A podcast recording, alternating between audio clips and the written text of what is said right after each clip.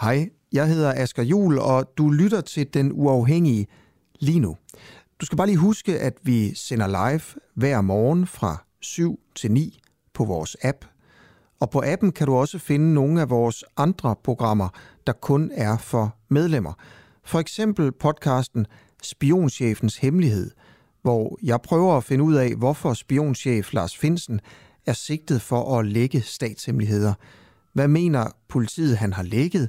Hvorfor ordnede man egentlig ikke sådan det her i hemmelighed bag gardinerne? Hvilken rolle spillede Mette Frederiksen egentlig, og hvem er Lars Finsen? Nå, ikke mere om alt det. Du kan høre det i podcasten. Download vores app og bliv medlem, hvis du vil høre for eksempel det her program. Yep, og så slipper du i øvrigt også for den her irriterende besked i din daglige nyhedspodcast. Og jeg beder om en kop kaffe med mælk. Det er så godt.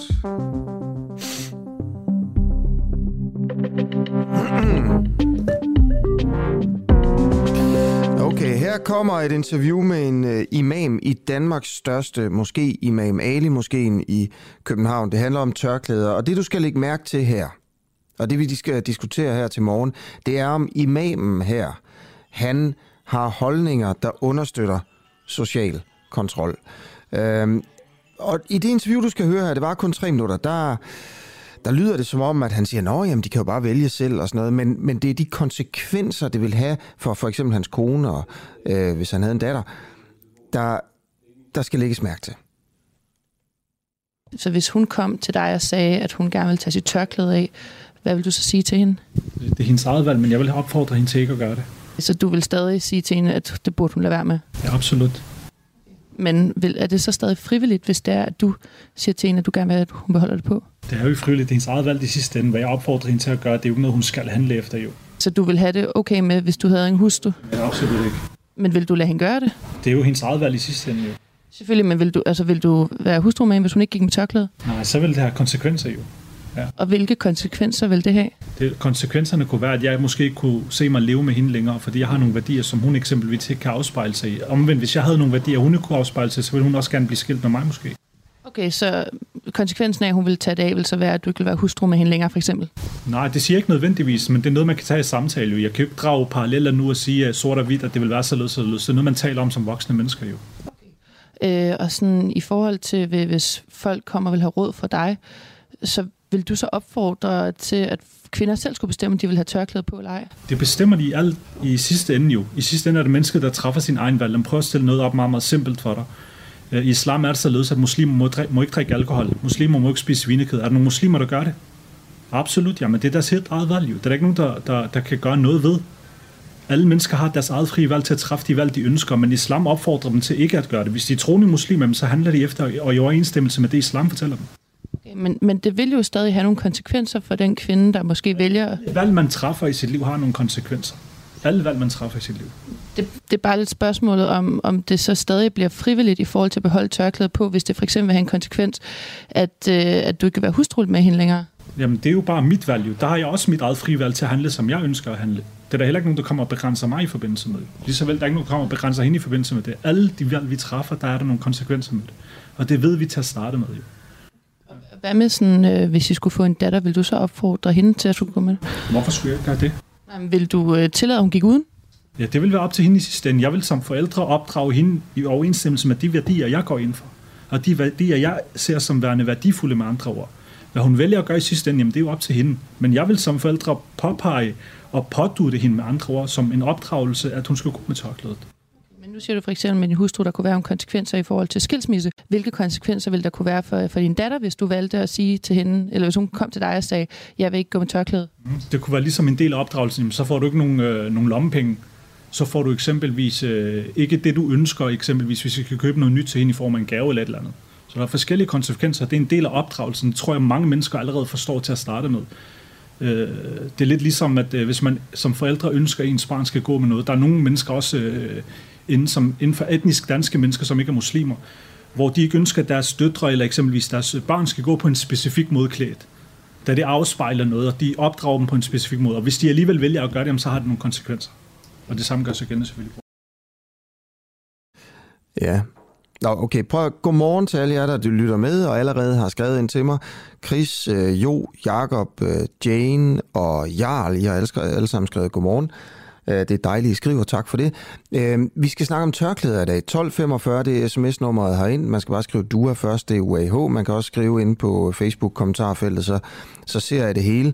Øh, og Jarl skriver, det er et retorisk frygteligt at høre på det her. Der er jo ikke tale om fri vilje, for der er ingen rummelighed til den frie vilje. Det er beskæmmende. Imamen her, jeg skal nok spille interviewet lige om lidt igen, han er altså imam i Danmarks største moské, Imam Ali Moskeen. Og grunden til, at han udtaler sig om tørklæder, det er fordi vores journalist Clara Vind var nede hos ham efter, at hans måske havde udsendt en øh, pressemeddelelse i forbindelse med tørklædedebatten, der er blusset op igen, fordi øh, regeringens kommission kommer med et forslag om at forbyde tørklæder. Det skal nok blive et stort emne i den kommende valgkamp, det her. Øh, og, og imamen, som min kollega Clara rendte ind i nede i den store moské, som faktisk ligger lige rundt om hjørnet her fra vores studie, øh, jamen han hedder Imam Mohammed Hassan Ali. Øh, og han er altså imam i Imam Ali moskeen. Så det er simpelthen Imam Ali fra Imam Ali moskeen, vi har talt med. Og øhm, pointen er, jeg synes bare, det er sådan en interessant interview.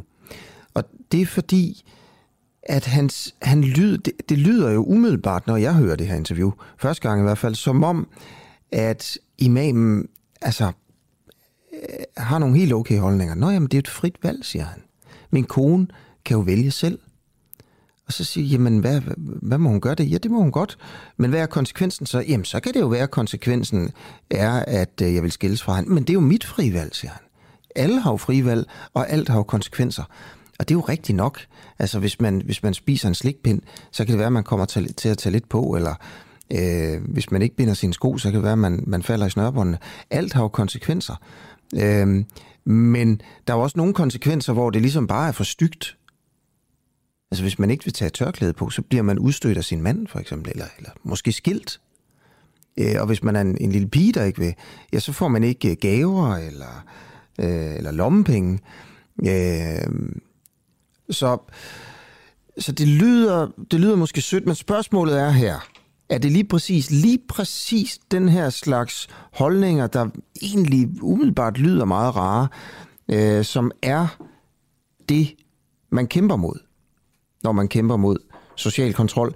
Jeg, jeg synes, det er så interessant, fordi øh, imamen også er god til at tale her, at jeg lige vil spille det her. Det er jo et ganske kort øh, interview.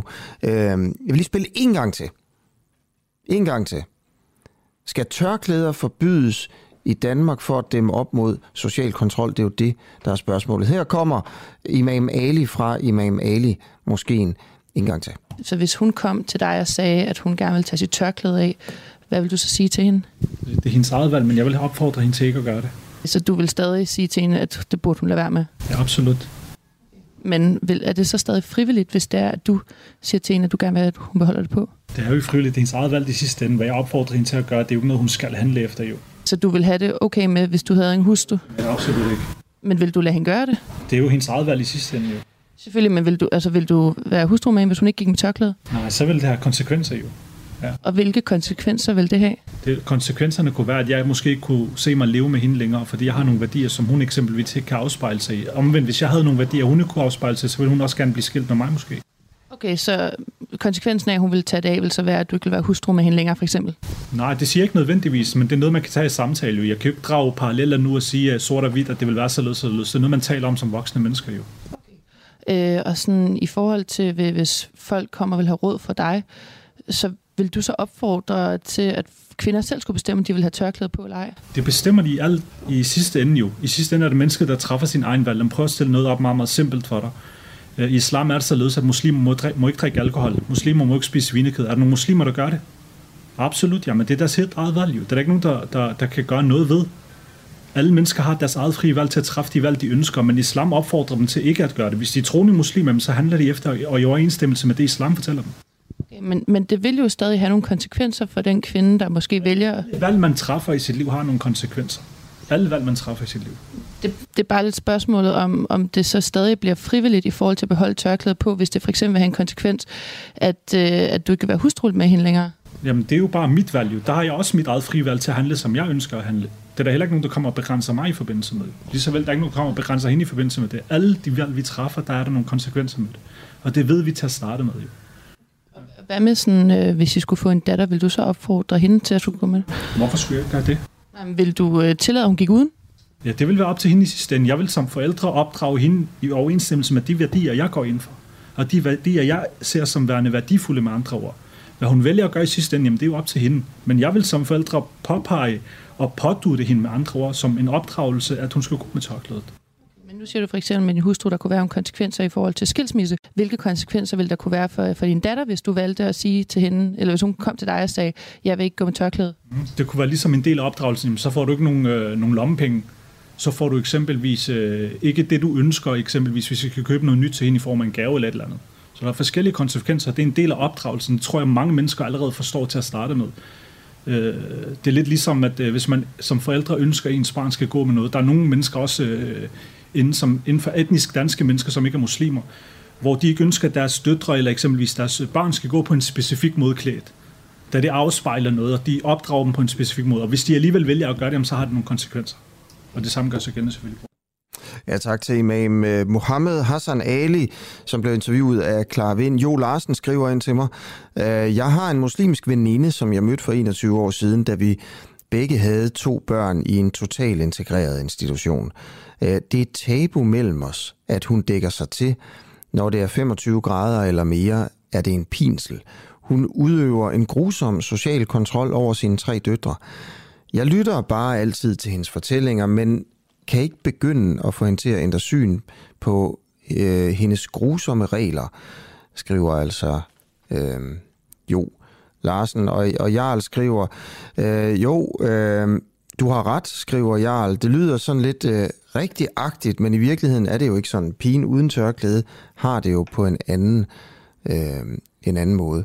Okay, jeg vil meget gerne høre om oplevelser og holdninger om social kontrol og tørklæder. Øh, så skriv ind til mig 1245, eller skriv øh, ind på, øh, på, øh, på Facebook, øh, hvor jeg jo er live. Husk at støtte nu afhængig, hvis du synes, det er et godt projekt, det her.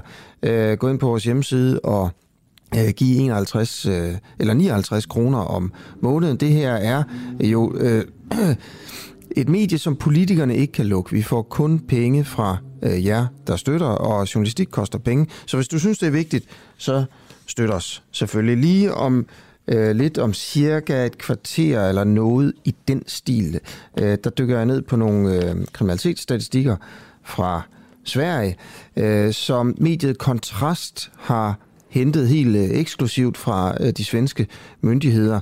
Øh, der er også en ret markant svensk debattør med her øh, i den uafhængige her om øh, 10 minutter i kvarter. Ja, han er meget kendt i Sverige, og han synes, at de her tal er meget interessante, fordi de ikke kom frem i, i Sverige. Øh, det handler om øh, ja, det handler om kriminalitet, det handler om, hvor mange mænd, unge mænd mellem 30 og 34 år fra, øh, fra for eksempel afrikanske lande og mellemøstlige lande, øh, som har begået noget kriminelt i Sverige. Og altså, det er ikke langt fra halvdelen, altså fra 50 procent, øh, som har begået noget kriminelt. Øh, ja, tallene skal jeg nok lægge frem lige om lidt. Jeg vil bare lige sige, det kommer. Et andet vildt tal fra Sverige er jo, at der hver dag er 27 anmeldte voldtægter i, øh, i Sverige. En masse øh, anden statistik, som vi kommer til at, at dykke ned i. Men, men, øh, men allerførst vil jeg bare gerne lige vende hovedet mod et, altså en dansk kommune, og muligvis er det her et skrækeksempel. Altså et eksempel på, at man ude i kommunerne altså heller ikke skal gå alt for meget bananas med at lave alliancer mellem altså alle mulige partier, der simpelthen øh, ikke ligner hinanden særlig meget. Det er, jo en, det er jo en god tradition i kommunerne, at de konservative kan godt lave en alliance med SF for at få borgmesterposten og sådan noget. Men på Bornholm, der har man altså haft øh, en alliance nu her, hvor borgmesterne fra de konservative, han er så konstitueret som med hjælp fra Dansk Folkeparti, Enhedslisten, Kristendemokraterne øh, og selvfølgelig sin konservative gruppe, øh, hvor de så skulle arbejde sammen. Øh, men nu tyder det på, at han er blevet stukket i ryggen af sine allierede. Det brede samarbejde mellem partierne her har nemlig lidt et alvorligt knæk under de aktuelle budgetforhandlinger. Viceborgmesteren fra Enhedslisten har lavet en aftale uden om borgmesteren fra de konservative. Knud Andersen, du er politisk kommentator for TV2 Bornholm, tidligere amtsborgmester. øh, på øen for Venstre. Prøv, hvad er det for et opgør, der er, gang i, der er gang i lige nu? Godmorgen. Nej, der er desværre ikke lige forbindelse til, øh, til Knud Andersen her. Men nu kommer der en løbende ind i studiet, nu må vi se, hvad der sker. Men, men det, jeg kan fortælle, det er, at, øh, at øh, Venstre, Socialdemokratiet og Enhedslisten, Enhedslisten, som jo egentlig var med i, øh, i klubben der, de har valgt at gå uden om de resterende medlemmer af kommunalbestyrelsen, og dermed gå, øh, øh, altså gå udenom borgmesteren øh, og sammensætte et kommunalt budget alene. Øh, ja. Og nu tror jeg, at, og det er jo altså enhedslisten, der, der var det helt store stemmesluger ved valget der. Nu tror jeg, vi har Knud med. Godmorgen.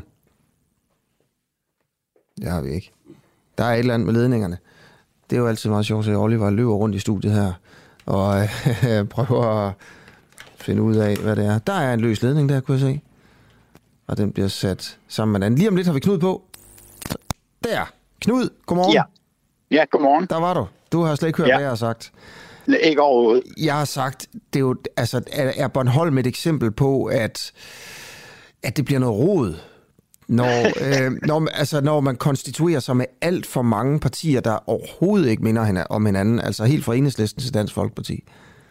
Jo, jo altså på, på sin vis kan man godt sige det, men altså det, man skal være opmærksom på, det var, at den konstituering, der blev lavet, den blev lavet væsentligst, fordi der var et flertal, der ikke ville acceptere øh, et samarbejde omkring budgettet, som øh, Venstre og Socialdemokratiet havde lavet. Og, og øh, vælgernes reaktion, den var jo også, at den øh, gav, øh, de gav nogle store tab til Socialdemokratiet og til Venstre. Og øh, derfor var det det var i højere grad, altså det samarbejde, der blev etableret omkring en konservativ borgmester, støttet af Dansk Folkeparti og, og Enhedslisten. Det var i højere grad en modstand imod Venstre og Socialdemokratiet, end det i og for sig var en, en enighed om fælles politik. Mm. Okay. Så... Og, og, ja, og hvis, man, og hvis man så ser på det, det der så er sket efterfølgende, jamen så afslører det jo blot, at øh, der er for stor forskel i opfattelse af, hvordan problemer skal løses mellem på den ene side Dansk Folkeparti og på den anden side Enhedslisten. Mm. Okay, så helt aktuelt her, budgetforhandlingerne, øh, borgmesteren, er han blevet stukket i ryggen? Jo, det mener han er, fordi altså Enhedslisten var jo klart det største parti, der stod bag bag øh, konstitueringen af, af Jakob Trøst. Mm. Og øh, og man kan ikke, man kan ikke inden for et år pludselig øh, hænge den borgmester ud, øh, som man gør på den her måde. Jeg synes, det er, jeg synes, det er uanstændig adfærd fra enhedslistens side. Ja. Men, men vi skal så også være opmærksom på, at øh, de går jo så sammen med dem, der var hovedmodstanderen ved det sidste kommunevalg, nemlig Venstre og Socialdemokratiet. Og jeg kan jo godt forstå, at Venstre og Socialdemokratiet, de ser det her som en sejr, fordi de har jo så lykkes at fravriste øh, enhedslisten fra, fra den konstituering. Mm. Altså, de har, de har fået succes med at, at få enhedslisten til at begå faneflugt. Ja, hvis vi nu altså, øh, siger, okay, det her, det er jo også, altså det er jo meget sådan lokalt Bornholmsk ja. politik, ja. ikke? Hvad kan vi lære af hele den her misære? Altså sådan alle os, der bor andre steder i landet? jeg synes, altså det, man, det man kan lære af det, det er, at hvis man, øh, hvis man koncentrerer sig sammen med andre partier, så skal man have et fælles grundlag at gøre det på. Øh, jeg, jeg tror, det er ganske enkelt, så kort kan det siges. Altså, mm. Hvis man ikke har det, så bliver det noget råd, og, øh, og man skaber misnøje, fordi altså, jeg, jeg har vanskeligt ved at forestille mig, at i løbet af den valgperiode, vi er inde i, at man kan få etableret et fornuftigt samarbejde, når man på den måde snyder hinanden. Okay. Ja, ved du, det er i orden. Ved du, det var bare lige ganske kort kigge ind i ja, uh, Bornholms politik. Uh, Knud ja. Andersen, politisk kommentator for TV2 Bornholm, tidligere amtsborgmester på uh, Bornholm for Venstre. Kunne man kalde dig sådan en eller anden form for Bornholmsk uh, Hans Engel? ja, det, det er der jo nogen, der gør. Nå, det er der nogen, der gør. ja, det er der. Nå, okay. Jamen, det er godt. Yes. Ja, jamen, tak for det. Ja. Okay, ja, selv tak. Du. Hej. Hej, hej, hej. Ja, så siger vi tak til den Bornholmske Hans Engel, og øh, så kan jeg bare lige sige, at klokken er øh, 18 minutter over syv. syv. Vi er kommet meget godt, øh, synes jeg, i gang med, øh, med den her tirsdags udsendelse. Øh, nogle af dagens nyheder, En øh, ny undersøgelse fastslår, Scandinavian Star, altså færgen, der brændte, øh, burde have været underlagt en havnestatskontrol. Øh, og det er jo selvfølgelig et, et teknisk term. Øh, vi kommer til at i den her time dyk, eller i den her udsendelse at dykke ned i det nye om Scandinavian Star. Øh, det er jo en helt vild sag, som jeg selv altså, virkelig har dækket meget i en podcast, der ligger inde på vores øh, app, der, der hedder Vest. Og hvis, hvis du gerne vil have hele mysteriet om Scandinavian Star, øh, også med, med nye oplysninger fra, fra en politiefterforsker, der, altså, der er fuldstændig afgørende faktisk for, for alt det nye, der foregår nu øh, om Scandinavian Star, Thomas Vest hedder han, øh, så kan du gå derind på appen og lytte til, til, til de afsnit, jeg tror det er ni afsnit, som mig og Thomas har lavet om Scandinavian Star. Men det er altså den nye øh, undersøgelse, ekstern juridisk undersøgelse af sagen om, øh, om Scandinavian Star, der konkluderer, at Søfartsstyrelsen skulle have foretaget en såkaldt havnestatskontrol af færgen i 1990. Det skriver Erhvervsministeriet i en pressemeddelelse. Øh, der står, undersøgelsen finder, at styrelsen efter det eksisterende regelsæt kombineret med krav om forsvarlig forvaltning skulle have foretaget en havnestatskontrol, inden skibet sejlede med passagerer første gang i Danmark. Øh, sådan lyder det i øh, den her øh, undersøgelse. Vi har Thomas Vest med til at sætte sådan nogle menneskelige ord på, på det her 10 minutter i 9 her, her til morgen. Og så vil jeg bare sige sådan, øh, efter hvad jeg har fundet ud af i de her, øh, i, i, i de her øh, programmer, jeg har lavet om Scandinavian Star, som man kan gå ind og lytte til inde på appen, den færge, den skulle aldrig have sejlet der. Altså, det skulle godt nok være undersøgt en lille smule. Det er der altså, i min verden slet ikke nogen tvivl om. Det skulle være undersøgt bedre, øh, om den var okay, den færge, inden man satte den i gang. Men der, det er simpelthen altså, skandale på skandale med, med Scandinavian Star. Øh, en anden nyhed her til morgen. Lufthansa-piloter planlægger strejker. Piloter fra det tyske luftfartsselskab øh, Lufthansa, de har besluttet øh, sig for at strække for anden gang inden for en uge. Øh, det siger deres fagforening. Det er jo altid en god idé, hvis man er pilot og strække her om sommeren, fordi så gør det allermest ondt på arbejdsgiveren. Øhm, og så har der jo været den her forfærdelige sag i Canada, øhm, og hvor, hvor to brødre har været mistænkt for at stå bag altså en hel masse knivangreb, øh, hvor, hvor, hvor der var mange døde. Jeg kan ikke præcis huske, hvor mange det er, der, der døde i, i Canada. Men øh, den ene af de mistænkte øh, er død, og politiet har fundet hans lig. Politiet i Canada har fundet livet af en af de to mænd, der er mistænkt for at stå bag knivangrebet søndag, der kostede 10 mennesker livet står der her, 10 mennesker døde. Øh, der er tale om en 31-årig mand, som er død, og hans bror er stadigvæk på fri fod. Øhm, og Liva, du skriver ind, Godmorgen, Liva. Tak, fordi du lige blander dig her. Du skriver, at øh, det er en god podcast, den med øhm, den om Scandinavian Star. Tusind tak for det. Det er jeg rigtig, rigtig glad for. Øhm, men lad os prøve at vende os mod en sag, som, og det er fandme utroligt, at den her sag øh, har været så svær ligesom at få hoved og hale i for, for mange journalister i, i, i Danmark. Men, men egentlig tror jeg, at det her handler om, og jeg kan prøve at spørge øh, øh, gravechefen, der er med lige om to sekunder her, som jeg ser det, så handler den her sag om, om Mette Frederiksen, statsministeren, har misbrugt sin magt ved at få politiet til at gå ind i en egentlig for hende sådan personlig sag, øh, hvor sagen blev speedet op og gjort mere alvorlig, fordi den handlede om hende. Øh, eller hvad? Det må vi lige finde ud af her i løbet af det interview, der kommer her. Men en Mette Frederiksen lignende dukke blev i hvert fald afbrændt i løbet af en demonstration, øh, som blev foretaget af Men in Black under coronarestriktionerne i 2021. Nu har Ekstrabladet afsløret, at sagen efter alt at dømme tog fart i statsministeriet den pågældende aften, og inden for få minutter vandrede sagen fra statsministeriet til justitsministeriet og videre til PET og Københavns politi, som altså tog affære. Og inden jeg lige siger godmorgen til vores kilder, så vil jeg bare lige sige, de tog altså rimelig meget affære. Øh, fordi oprindeligt så blev dem, der blev sigtet i sagen her, de blev sigtet efter nogle meget voldsomme paragrafer i straffeloven, som handler om statskup og kan give op til 16 års fængsel.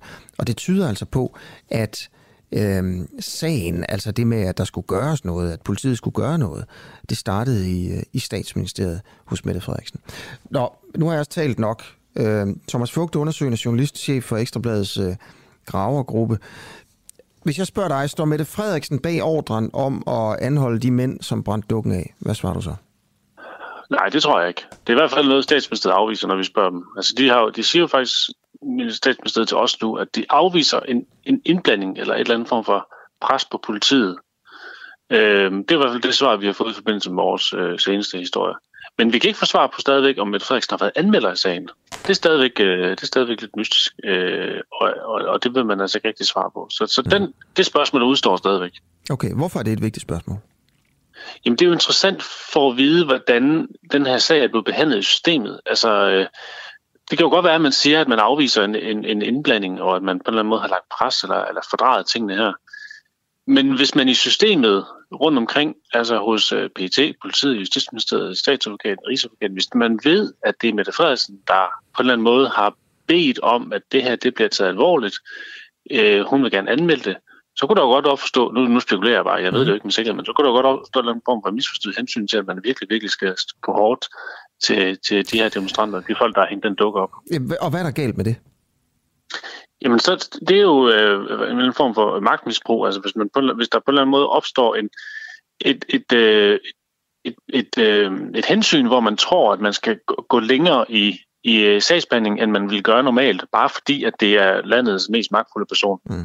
Nu har I så afsløret, øh, dig og dine kolleger, kolleger at sagen her øh, tog fart i statsministeriet den aften her, og så går altså over fra statsministeriet til justitsministeriet videre til politiet.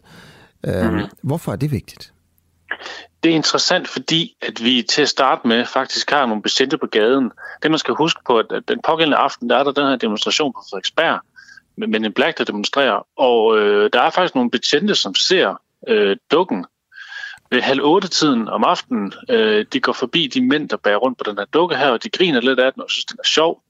Øh, de gør rigtig med ved det. De noterer bare øh, de her mænds navne, som, øh, som altså har, har lavet dukken. Og så går de sådan set videre og fortsætter. Der bliver ikke rigtig fortsat noget yderligere. Øh, og så går der så øh, cirka 40 minutter, og så, så kommer der en presanvendelse fra, fra Ekstrabladet faktisk øh, ind til statsministeriet. Og, og det er der, der tyder på, at det er det, der får, får hele maskineriet til at gå i gang.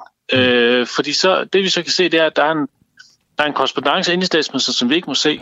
Altså, den er hemmelig. Der, vi må ikke se, hvad der er foregået der, men der er i hvert fald nogle mails, der bliver sendt frem og tilbage. Og derefter så er det så, at, at sagen tager fart, og så er det så, at vi kan se på, på, på tidsangivelserne og på de mails og beskeder, der bliver sendt frem og tilbage, at der altså går 18 minutter fra øh, statsministeriet øh, efterlader eller orienterer Justitsministeriet til, at den lige pludselig er nede mm. ved kommandostationen Københavns Politi, som mm. altså sætter, sætter tre politidelinger på gaden til at lede efter dukken. Ja. Jeg skal bare lige sige, altså den her dukke, den er jo altså til en demonstration øh, et sted i København. Og, og der, der er et skilt på dukken, hvor der står, hun må og skal aflives. Og, og dukken forestiller Mette Frederiksen. Øh, og så bliver der sat ild til dukken. Altså, så, bliver der sat ild, så bliver der sat ild til dukken, ja. Øh, og det sker så omkring, øh, ja, jeg tror, det mener, det er kvart i otte eller sådan noget om aftenen. Hvis det, og det er jo, hvis, det, og det er sådan, ja. hvis det var dig, altså, der var mm. på en dukke, Thomas Fugt, ikke? hvor der står, at, ja. at du skulle aflives, og blev sat ild ja. til den ude på rådhuspladsen for dit kontor. Mm. Vil, vil du så ikke, altså, også, altså, du ved, måske sige til politiet, hey, prøv lige at finde ud af, hvad fanden der foregår der. Det, det vil jeg sgu ikke finde mig i. Jo, og så tror jeg faktisk også, at jeg ville ikke have noget mod at sige det, hvis pressen spurgte mig, om jeg var anmelder af sagen. Mm. Okay. Og det er jo den væsentlige forskel af. Det er jo det svar, vi mangler at få fra Mette Frederiksen. Var hun anmelder på sagen? Det, det kan vi jo ikke få svar på. Det synes jeg på en eller anden måde. Jeg kan ikke forstå, at det er så farligt at svare på hende. Nej. Okay, kan du svare på, altså hvis vi siger, at det her, det er, det, det du siger, der, der er ligesom det vigtige i det her, det er, hvis, hvis Mette Frederiksen, hun på en eller anden måde måske havde anmeldt øh, far, sagen tog fart, på grund af hende i hvert fald, Mm. Øh, så har folk længere nede i systemet tænkt, uh, det er virkelig vigtigt, statsministeren øh, går op i det, så må vi hellere øh, gøre noget, vi ellers ikke ville have gjort. Øh, det er det, du kalder for et potentielt magtmisbrug. Er det, ja, måske, men altså, vi skal, det, det vi selvfølgelig også skal have for øje i det her, og det er jo også det, som myndighederne siger i, men det handler om statsministerens sikkerhed, og derfor så kaster man ligesom bål og, og brand øh, mm. ind i det her. Altså, øh, man har jo nogle særlige forpligtelser som myndighed, hvis det er statsministeren, der, der er troet. Ikke? Så det er jo ja. klart, der er, der er mange ting, der bliver sat i værk. Øh, men altså, der taler med dukke, det er jo ikke, det er jo ikke hende, der bliver truet sådan, altså nej, nej. fysisk. Men jeg tror bare, hvis jeg lige skal prøve at tage statsministerens parti her. Mm-hmm. Øh, hvad er det, altså, hvad er den negative konsekvens ved det? hvis vi nu siger, at det kom fra Mette Frederiksen, ikke? og alt det, I undersøger, det bliver, der bliver for på en eller anden måde bekræftet, at Frederiksen satte det her i gang. Øhm, og hvad så? Altså, hvad, hvad er den negative konsekvens ved det? Jamen, det er jo, det er jo potentielt, at der, der er nogle af systemerne, der har, der har overreageret og øh, altså, sat alt for meget i værk i forhold til, hvad der er proportionelt. Altså, for eksempel så er det jo meget interessant det der Men med, hvad er at det de, dårlige ved det? ja, det er jo, at, at, at, at, at man misbruger sin magt. Jo, men altså det helt skulle- konkret, hvad er det dårlige ved det? Altså, Jamen det er jo det så i sidste ende gør ud over tre mænd, som så har lavet den her dukke her, som måske... I, altså nu er vi ude i spekulationer, ikke? Mm. Men hvis man var fortsat med den stikkel, som man havde rejst til at starte med, Ja. så, kunne de jo, så kunne de jo være blevet tiltalt for, øh, for statskup, og dermed have risikeret at komme i brummen i 16 år. Ja. Øh, modsat nu, hvor sigtelsen er langt mildere, nu handler det om trusler, øh, hvor straframmen er en helt anden. Øh, så, så i yderste konsekvens, altså nu, nu, nu, nu, nu er vi langt ude, ikke? Men altså, ja, ja. Øh, Og vi snakker men om, hvorfor historien er konsekvens- vigtig jo. Altså, det, i virkeligheden Præcis. snakker vi bare om det. Og i yderste konsekvens kunne det jo det have givet mange flere år til, til, til de pågældende, øh, end hvad der måske var rimeligt. Okay. Thomas Fugt, undersøgende journalistchef for Ekstrabladets Gravgruppe. Tak fordi du var med. Det var slet. Og klokken er halv otte nu her. Øhm, husk, at det, der er det bedste ved at sidde herinde og sende om morgenen, det er at få beskeder fra jer, der lytter med. Øh, husk at skrive ind til mig overvejelser omkring tørklæde social kontrol. Vi har jo fået en fra, var det Jo, du hed, øh, som, som har en veninde, øh, som, som, som jo siger udfører social kontrol, og jo ved ikke, hvad hun skal gøre ved det. Øh, hvis du kender nogen, hvis du har set noget her, så kom ind med, med, med erfaringer og betragtninger om det her. Grunden til det er jo, at vi har lavet et interview med imamen i Danmarks største moské, og han siger, at hvis hans kone, som har en fri vilje, og som må gøre, hvad hun vil, siger han, men hvis hun vælger at tage sit tørklæde af, så vil han overveje, om han vil skilles fra hende. Og, og hvis han havde en datter, så vil han overveje at tage lommepengene fra hende. Alt sådan noget. Og det lyder, når man taler med imamen, han siger bare, at de har jo deres frivalg, men, men det er jo lige, måske lige præcis sådan nogle værdier og holdninger, som er social kontrol. Okay, 1245, det er sms-nummeret herind til mig i studiet. Du kan også skrive øh, på Facebook, hvor øh, jeg er live inde på Den Uafhængiges Facebook-side. Bare skriv nogle øh, kommentarer derinde. Øh, så er der jo gang i øh, britisk politik for tiden.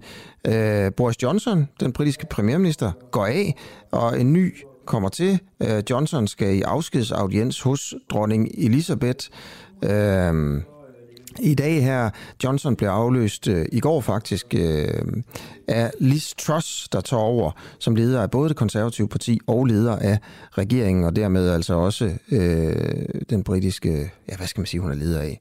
Øh, ja, britiske folk, det ved jeg ikke, om man kan sige. Men hun er i hvert, han er, hun er i hvert fald premierminister, ikke? Øh, vi skal høre en masse om Liz Truss. Hvis du har nogle spørgsmål om Liz Truss, så send dem til mig nu her, fordi jeg har en ekspert på lige om 10 minutter i et kvarter. Øh, bare til at snakke om lidt om, hvem hun er og sådan noget. Øh, og jeg vil meget gerne have altså, gode kvalificerede spørgsmål om, hvad, hvad fanden er egentlig vigtigt at vide her. Øh, det må du meget gerne hjælpe med, fordi for at være helt ærlig, så synes jeg, at det er en lille... Jeg, jeg har ikke rigtig fundet ligesom altså, et eller andet skide godt spørgsmål. Så jeg kom bare til at spørge, hvem er hun, og, og hvad ved hun, og sådan noget der. Øh, Så jeg håber, at, øh, at du vil hjælpe lidt øh, med det. Allerførst, det har jeg glædet mig til. Nye tal om kriminalitet i Sverige. Sverige, som er, jo er et land, der lige nu er i en øh, voldsom øh, øh, valgkamp. Øh, det handler meget om øh, indvandringsproblematikken i, i Sverige. Der er også nogle vilde tal deroppe. Altså, øh, lad mig bare nævne et. 27 anmeldte voldtægter om dagen i Sverige. Men nu er der kommet nye tal. Et, et dansk medie, der hedder Kontrast, har lagt tal frem og udgiver, udgiver det her øh, til morgen. Det er altså tal, som er trukket fra de svenske myndigheder, men som ikke har været fremme i Sverige endnu. Vi har fået dem af kontrast. Tusind tak for det. Øh, tallene viser, at næsten halvdelen af mænd fra for eksempel en række afrikanske lande, det er mænd, der er mellem 30 og 34 år, så det er sådan de unge i starten af 30'erne. Næsten halvdelen af dem har begået kriminalitet. Øh, I Sverige har der været 300 Udover det 30 skudepisoder i 2021, 46 drab i, øh, i 2021. 8 ud af 10 er bande- og rocker-relateret. Det er jo helt vilde tal fra Sverige her, men næsten halvdelen af unge mænd fra en række afrikanske lande, øh, de har altså begået øh, kriminalitet i Sverige. Og nu kan jeg sige øh, godmorgen til en ret, en ret kendt svensk debattør, Tino Sanandaji, forsker i nationaløkonomi og altså også debattør i Sverige. Godmorgen. Godmorgen. Godmorgen. Vi har aftalt, at jeg taler dansk, og så lover du at tale langsomt svensk. Ja, ja precis. Jag ska försöka. Hvad er det for nogle tal, som du synes er interessante, øh, der er kommet frem her til morgen? Um, du nämnde ju själv det som är väldigt um, starkt resultat. Det är att uh, ibland uh, unga män från olika, uh, vissa invandrargrupper så är procenten som har begått brott en tredjedel eller nästan hälften. Vi brukar ju säga att eh, eh, visserligen begår invandrare fler brott men det är en jätteliten grupp som gör det här och kanske, man kanske pratar om att det är 1%, 2%, De flesta är laglydiga. Eh, den, eh, och då säger man ungefär att ja, men skillnaden den, den är inte så stor om det är kanske 1% bland svenskar och så är det eh, 2 bland invandrare. Det, det, det, det, har att göra med fattigdom eller det gör ingen stor effekt.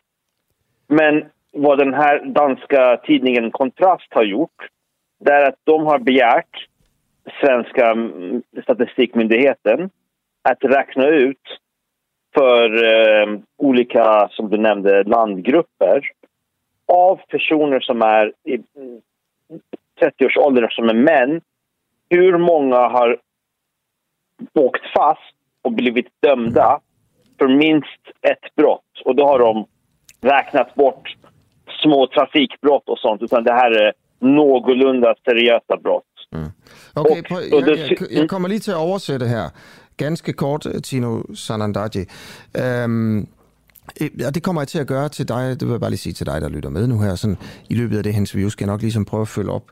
Øhm, og det han siger, det, det er super interessante tal det her, som ikke har været fremme før.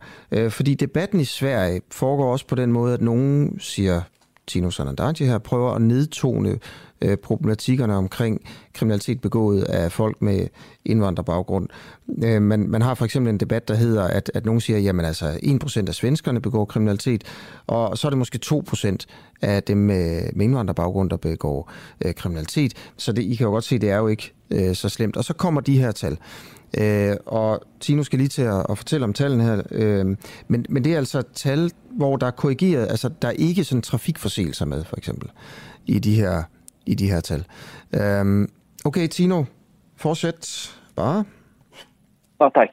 Och øh, eh, vi, i Sverige i år har vi haft redan 46 eh, dödsskjutningar. Eh, och då kan man jämföra med Finland som är ett land som är eh, hälften så stort då. De har haft en under samma period.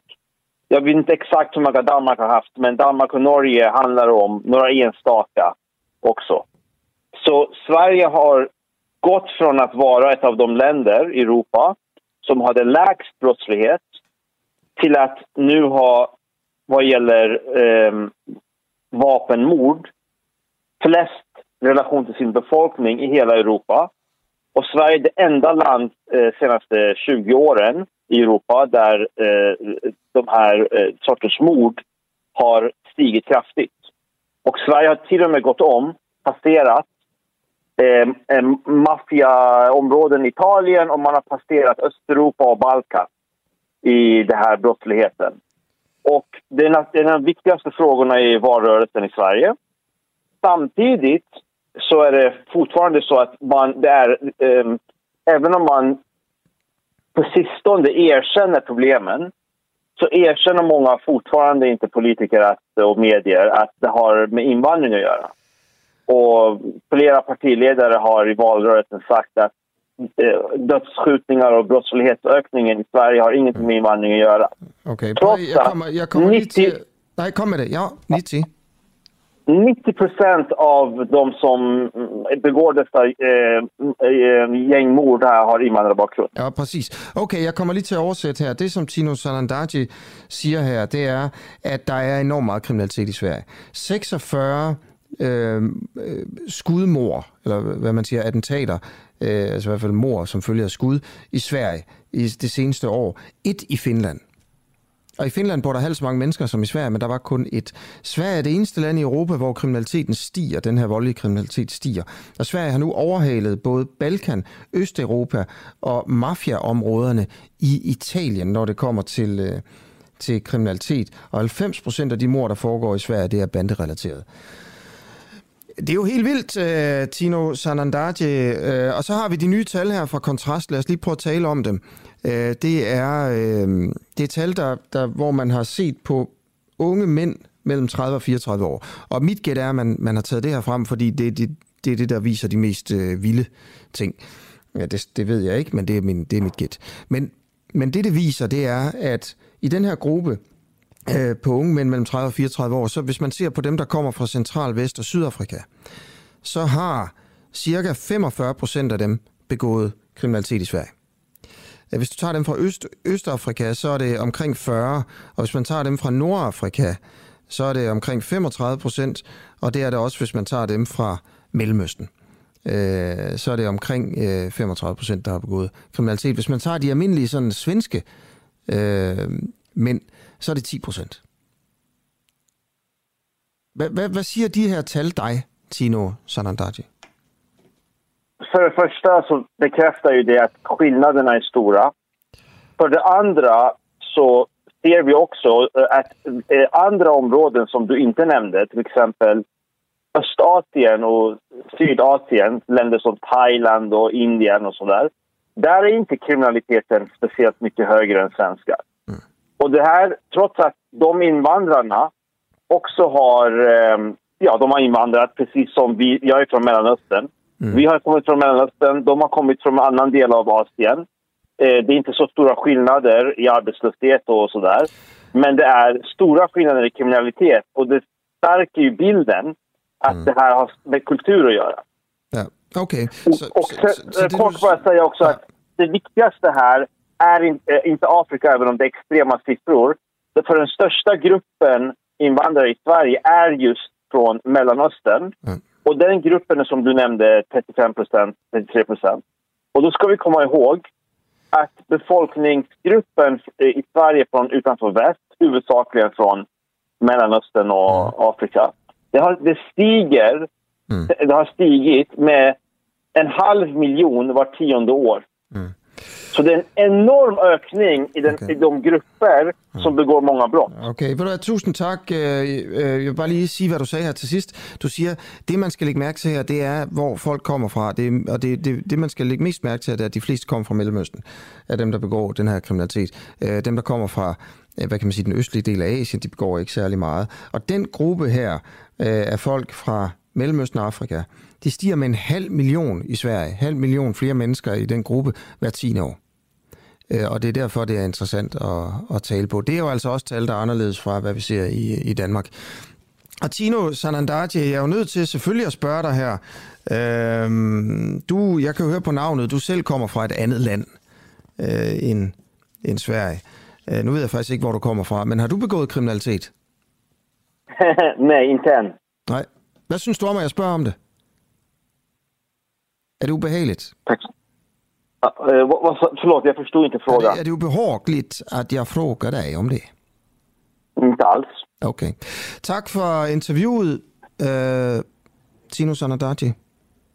Svensk, ja, stort tack. Svensk debattør og uh, altså uh, og, og forsker i nationaløkonomi faktisk. Men, men en, en kendt uh, svensk uh, debattør, som var med her til morgen. Du lytter lige nu til en uafhængig morgen. Kritisk, nysgerrig og levende radio, som politikerne ikke kan lukke. Vi sender live alle hverdage fra klokken 7 til 9. Lyt med via vores app på DK4 DAB, fra vores Facebook-side, eller hvis du bor i hovedstadsområdet på FM-båndet 102,9. Tak til dig, som gør det muligt.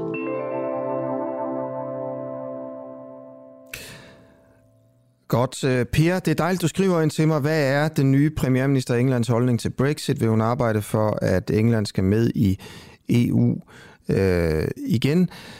Tak for det, Per. Hvis der er andre, der har spørgsmål til øh, den nye premierminister, så stil dem øh, nu her. For nu stiller vi skarpt på England. Øh, og inden jeg kommer til den nye premierminister, så vil jeg altså bare lige øh, vente med øh, vente med en et øjeblik, og så lige, lige tage et øjeblik af tre minutter med den gamle. Boris Johnson, der jo på mange måder fik, øh, øh fik, øh, fik England ud af, af EU. Ved I hvad, det gør jeg ikke, fordi øh, nu får jeg lige at vide, at øh, den kilde, jeg skulle have haft på, øh, ikke er på. Det var ærgerligt. Det var jo ellers chefen for øh, makroøkonomi økonomi i Saxo Bank, øh, som kunne svare på spørgsmålet, om det så var gået så skidt med økonomien i England efter Brexit, som mange jo sagde, at det ville. Okay, det, det er bare et interview, jeg enormt gerne vil have. Det glæder jeg mig så til at få en af de, de andre dage. Øh, spørgsmålet er jo selvfølgelig, var det en skræmmekampagne, der foregik dengang fra, fra Remain-siden, eller var det reelt nok? Er det gået fuldstændig øh, galt med britisk øh, økonomi? Nå, men så lad os da tage den nye det er måske også mest øh, konstruktivt eller fremadskuende, eller hvad man siger. Øh, ny premierminister i, øh, i Storbritannien. Uh, Liz Truss, Jakob Willeborg, BT's internationale korrespondent. Hvad kan du sige om hende? Godmorgen. Godmorgen.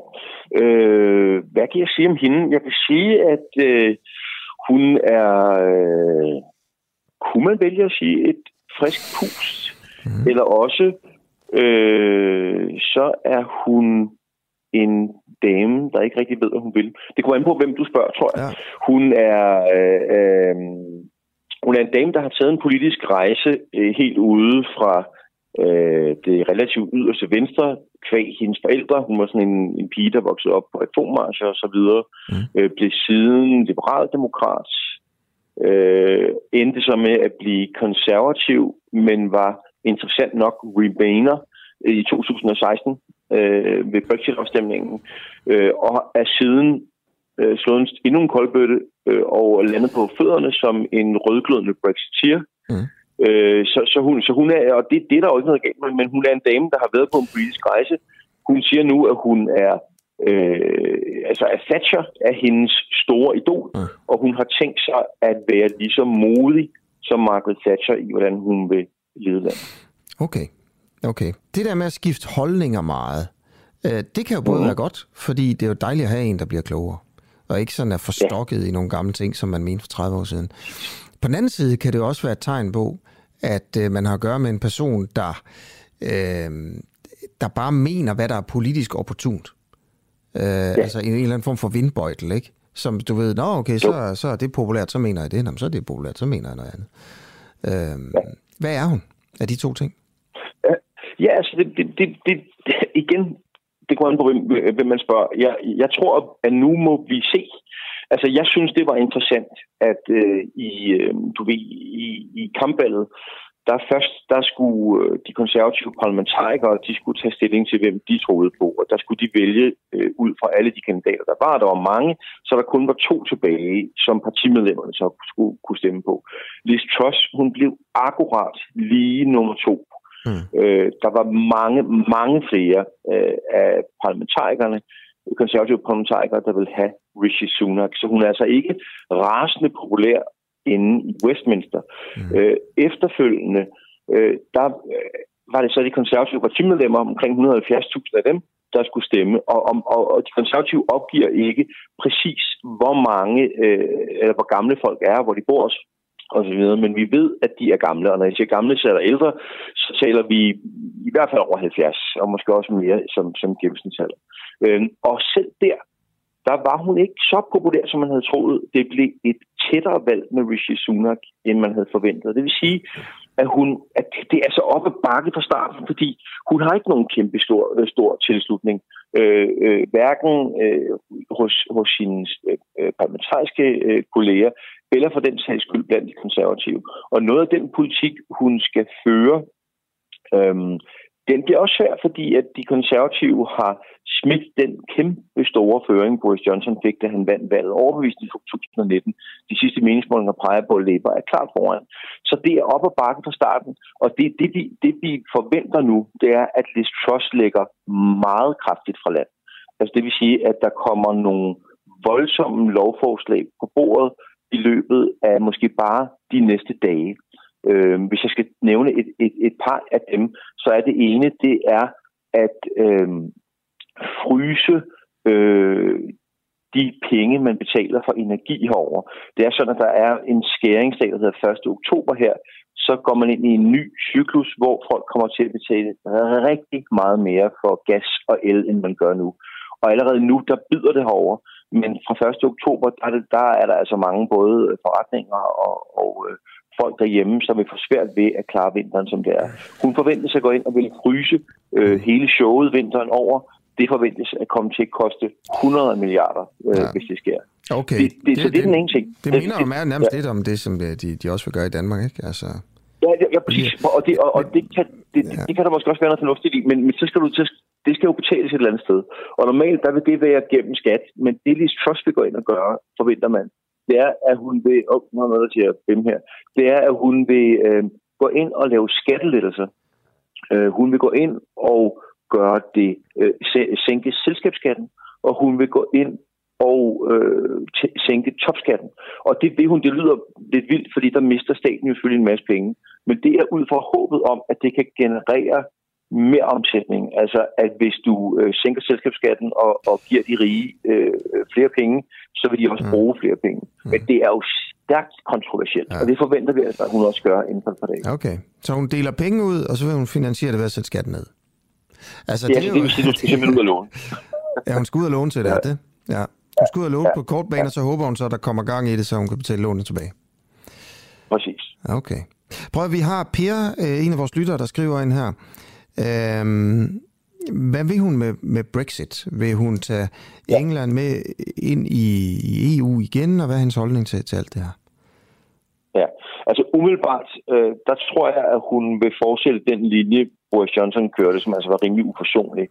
Øh, og hvor man måske ovenikøbet løbe for de aftaler, man har lavet undervejs med EU i forhold til Nordjylland, øh, for eksempel. Men vi ved det ikke, og meget interessant, så, så skulle hendes far have sagt, at han stadig, han er, han er relativt venstreorienteret, mm. men han, han, han skulle have sagt, at han stadig håber, at hun er en sleeper cell, så når hun først kommer ind i magten, altså har fået magten, ja.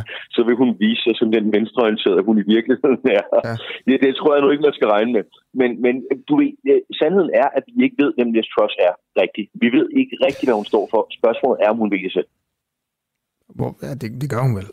Eller hvad tænker du? Jamen, jeg, jeg tænker, du har dig selv, der sagde det der vindbøjtet. Altså, ja. øh, du ved, ah. øh, øh, de, der, hun, har, hun har været på så lang en rejse, øh, og hun, altså, det er alligevel meget at gå fra at være glødende Remainer i 2016 mm. til at være glødende Brexiteer i 2022. Mm. Okay. Længere er det spændt ikke.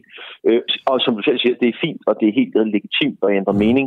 Og hun, har, og hun har også prøvet at forklare, hvorfor hun har gjort det. Men vi ved simpelthen ikke, hvad hun vil med Brexit, og det er måske noget af det mest afgørende med Storbritannien nu. Og nu er der altså en, en premierminister, som umiddelbart vil lægge sig op af Boris Johnsons linje. Men hvad var det? Det var jo også man må sige nu, hat og briller på mange måder. Så, så, så, så øh, det, jeg, jeg tror, at, at øh, der er mange bolde i luften, og, og det er meget interessant, det bliver, hvor mange af dem hun kan nå at gribe, og hun skal gribe dem hurtigt. Okay. Prøv at, er der noget om den nye, nu mens jeg har dig, Ilborg, du må sige til, hvis du skal noget andet ja. også. Øhm, er, der, er der noget om nye premierminister her i England, som, som du synes øh, fortjener mere opmærksomhed? Altså nu, jeg, jeg tror også, ligesom det er meget historien, det med, hvad hun, øh, sådan, hun mener det ene, og så mener hun det andet, og, og men så er hun ja. også blevet rimelig hård på, break, på Brexit og sådan noget, øh, angiveligt.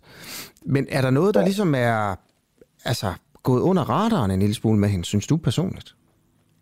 Altså, det, det jeg lige nævnte, nævnte den der form for anderledes øh, skattetilgang. Det synes jeg er noget af det mest spændende, fordi at, altså prøv, det kan jo godt være, at det går fuldstændig galt, men, men man kunne også vende den om og sige, at det var da et frisk bud Mm. Altså at sige, at vi bliver simpelthen nødt til at tænke omfordelingspolitikken lidt op. Ja. Så vi bliver nødt til at... Altså, der har været relativt lav vækst i mange, mange år i Storbritannien. Ja. Øh, og, og, og, og noget af det, som øh, Margaret Thatcher jo virkelig formåede, det var at sætte gang i øh, omsætningen. Efter der havde været en meget voldsom krise, så, så blev omsætningen især i Financial City i London, den blev virkelig, virkelig stor, og det hjalp med at, at kickstarte hele den bølge af økonomi, der endte med, at Tony Blair kom til magten og alt det der. Det, det, var, det var gode dage dengang. Mm. Øh, og, og, og, og det kan jo godt være, at den, det vågemod, hun til synligheden har i forhold til øh, på et, et meget kritisk tidspunkt at sige, at vi øh, tager skeen i den anden hånd, vi tænker anderledes, at det viser sig at være rigtigt. Hun, hun ser ud til at være en dame, med vågemod, og nogle gange er det jo det, der skal til. Mm. Øh, det er jeg ikke begivet nok til at regne ud, om det er, er halvstejt, eller om, om det er meget begivet. Ja, det er jo det. Så hun spiller lidt på rouletten. Så vil vi jo se, hvordan det går. Ja. ja. Det får vi nemlig se. Ja. ja. Okay, Jacob Illegaard, uh, tak, uh, Illeborg. Tak fordi du vil være med her. Tak fordi du altid vil være med, eller meget tit vil være med her i vores, uh, vores radio. Ja. ja. BT's internationale korrespondent. Og sådan blev øh, klokken altså 5 minutter i 8. Og øh, på denne tirsdag morgen, øh, og det er jo selvfølgelig øh, dejligt, øh, Husk at skrive ind til mig om alt muligt her. Find, du skriver, at du, du synes, det er useriøst, at, at vi lige tidligere så på de kriminelles oprindelses, oprindelseslande. Øh, vi talte lidt uh, kriminalitetsstatistik i, uh, i Sverige her. Øhm, og Karl, du skrev ind om Sverige. Det er uhyggeligt at se, hvad der sker i Sverige. Hvis det ikke lå ved siden af vores eget land, skulle man tro, at det var et tredje verdensland. Det er så trist. Øh, man er så bange for at gøre noget ved problemet, at man næsten ikke kan kende øh, Øh, landet mere. Okay, personligt synes jeg også, det er altid interessant at se over, over på Sverige, når de ligesom gør noget andet. For eksempel også, de håndterede coronakrisen på en anden måde. Så er det sådan et, et spejl, man kan kigge ind og sige, hvis vi har gået en anden vej, hvad er der så sket? Øh, og det kan man jo også se på med, med for eksempel indvandringspolitik. Øh, hvis vi har gået den vej, hvad er der så sket? Øh, Jørgen, øh, du har også lige skrevet ind til mig her, at det går elendigt for engelsk økonomi. Det skyldes blandt andet udmeldelsen af EU. Jeg håber, at du vil se på fakta, Asger Jul, også selvom du er øh, EU-modstander. Det gør jeg altid, Jørgen. Øh, det kan du tro. Og Hanne, du skriver, hvad mund hun vil med indvandrerudfordringer og islam i Storbritannien, nu når de er ude af af EU. Og det fik jeg ikke lige spurgt om. Det beklager jeg, Hanne, at jeg ikke fik sendt det spørgsmål videre. Okay, øhm, ting, der kommer i den næste time her. Det bliver en rigtig god og spændende time. Jeg håber, du hænger med. Øh, du hænger på her. David Truss er med om borgerkrig i USA ekstremt mange amerikanere tror, 40 procent af amerikanerne tror, at en borgerkrig er mulig inden for de næste 10 år. Det er ret vildt. Øh, så ser vi på, og det glæder mig til, et kæmpe slagsmål i København, som er gået under radaren, synes, synes vi, sådan i forhold til, hvor vildt det var. Altså, det er blevet omtalt i nogle, nogle medier også, med 166 anholdte. 166 anholdte.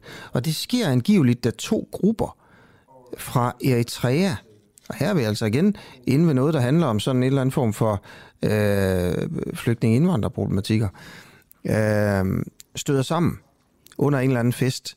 Og, og der, altså, er det sådan, at, at, at de stridigheder, der var i Eritrea, er blevet taget med til Danmark? 166 øh, anholdte. Vi snakker med en, øh, en fra den eritreanske støtteforening, der hedder John, øh, som, som ved lidt om, hvad der foregik. Politiet vil ikke være med om det her. Øh, hvad fanden er der foregået derude? 166 øh, øh, anholdte, Nå, vi prøver at plukke øh, Johns hjerne her om et, øh, om et lille øh, stykke tid. Hej, du lytter til Den Uafhængige på podcast. Husk, at du også kan lytte med, når vi sender live hver morgen kl. 7. Download vores app, Den Uafhængige, og tryk på play-knappen. Det er helt gratis. Og så øh, vil jeg også bare lige øh, vende tilbage til den nyhed, vi breakede i går, at øh, Rasmus Paludan, han, øh, han stiller op til det kommende folketingsvalg i Danmark, det siger han til os. Og altså, det er jo en vigtig historie, fordi øh, at det kan få valgkampen igen til at blive en rodet affære. Altså en, øh, en valgkamp, der, der bliver beskidt, og og som mange mener er en, er en åndssvag øh, demokratisk samtale her. Øh, så derfor er det en vigtig historie. Øh, og i går der øh, annoncerede partilederen for Stram Kurs, altså Paludan her hos os, at når han er færdig med sin valgkamp i Sverige, som han jo også, hvor han også fører valgkamp, og hvor han sandsynligvis ikke bliver valgt, ja, der vil han stille op til det kommende folketingsvalg i Danmark. Øh, hvad skal man tænke om det? Vores politiske redaktør, Christian Henriksen, øh, ringede ud til tilfældige numre her og fru Jensen for at overbringe nyheden og høre øh, deres reaktion. Det er Hej du taler med Christian. Jeg er journalist på mediet Den Uafhængige. Jeg har en øh, nyhed, jeg vil bringe. Og det er, at Rasmus Paludan, han har her til morgen i vores morgenudsendelse fortalt, at han vil stille op til Folketingsvalget. Så nu ringer jeg rundt for at fortælle det, og så for at høre lidt om reaktionerne herpå. Jeg ved ikke, om du har nogen umiddelbar reaktion?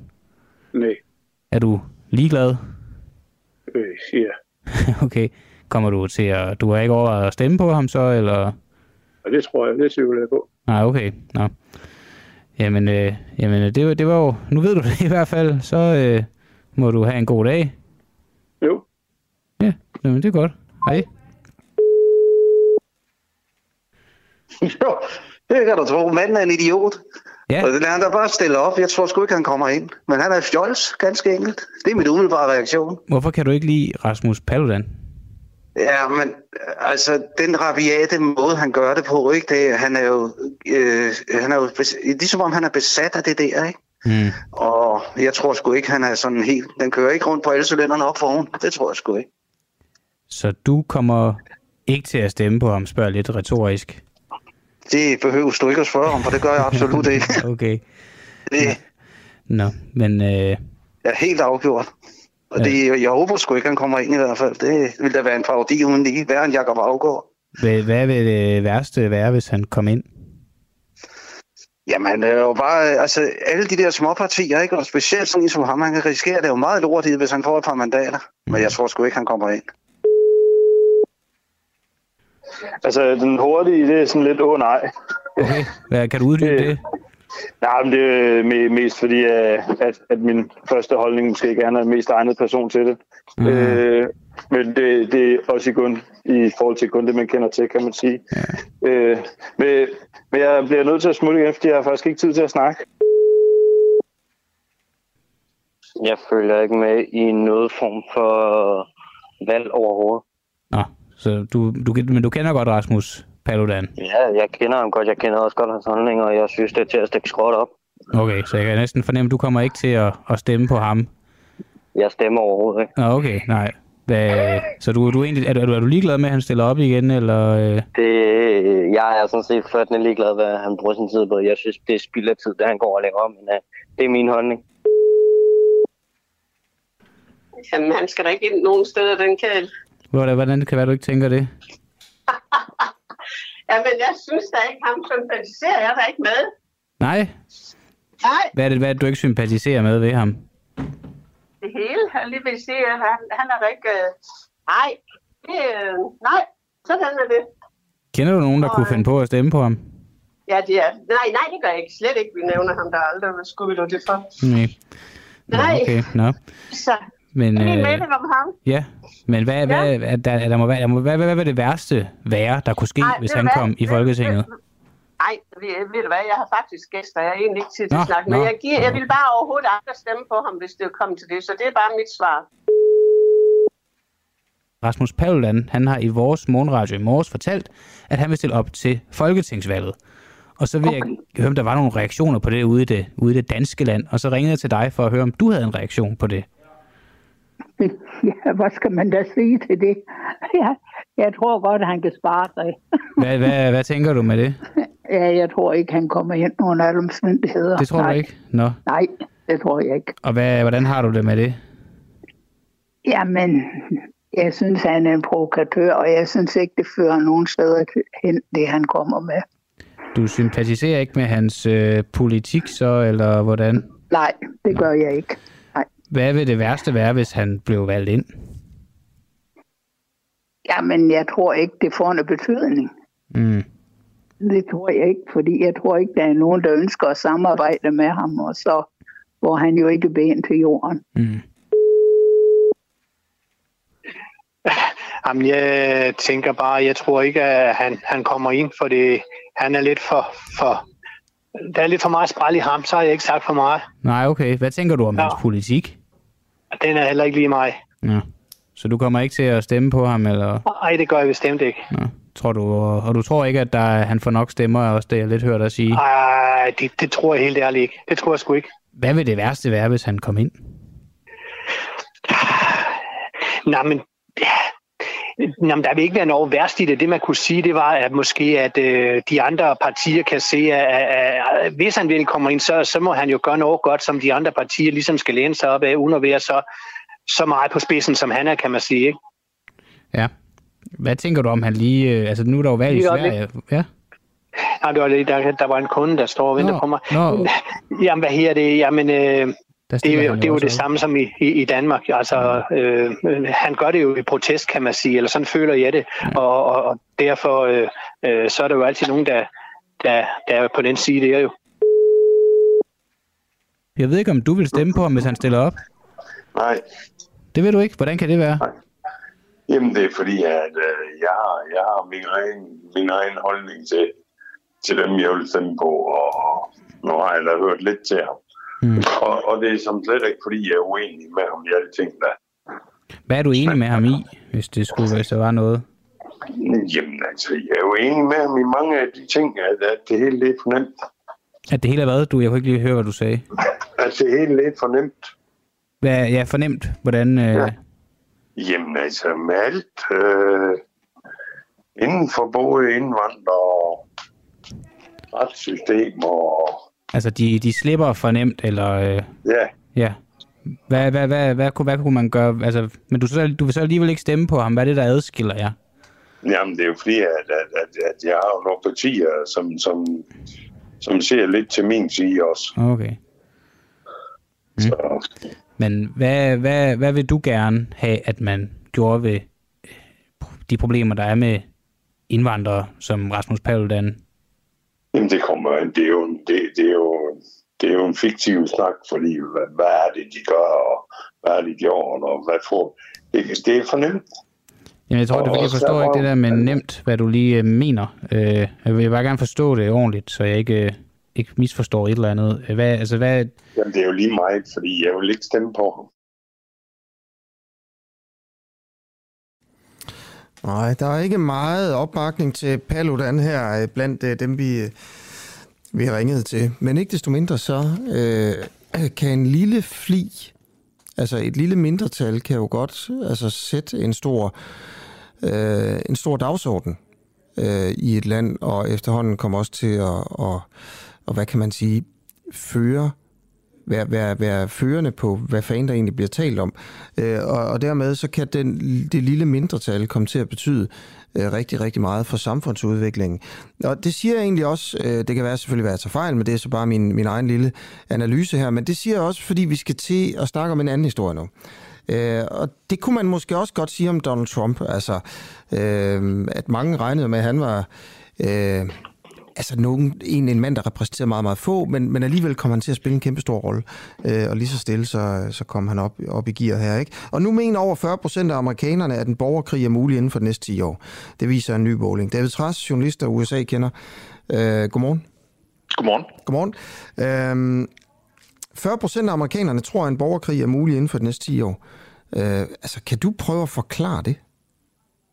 Ja, det skyldes jo, at vi har en situation i USA, hvor man retligt, har lige opholdt mig i USA i to-tre måneder her i år, hvor man simpelthen kan mærke hele tiden, at mistroen til den anden side, det vil sige en demokrats mistro til republikanerne, republikansk øh, mistro til demokraterne, er så voldsom, så voldsom, så man næsten ikke øh, kan forstå det, men det er sådan, det er. Man tror ikke på den anden side. Man tror ikke på et valg, hvis man taber et valg.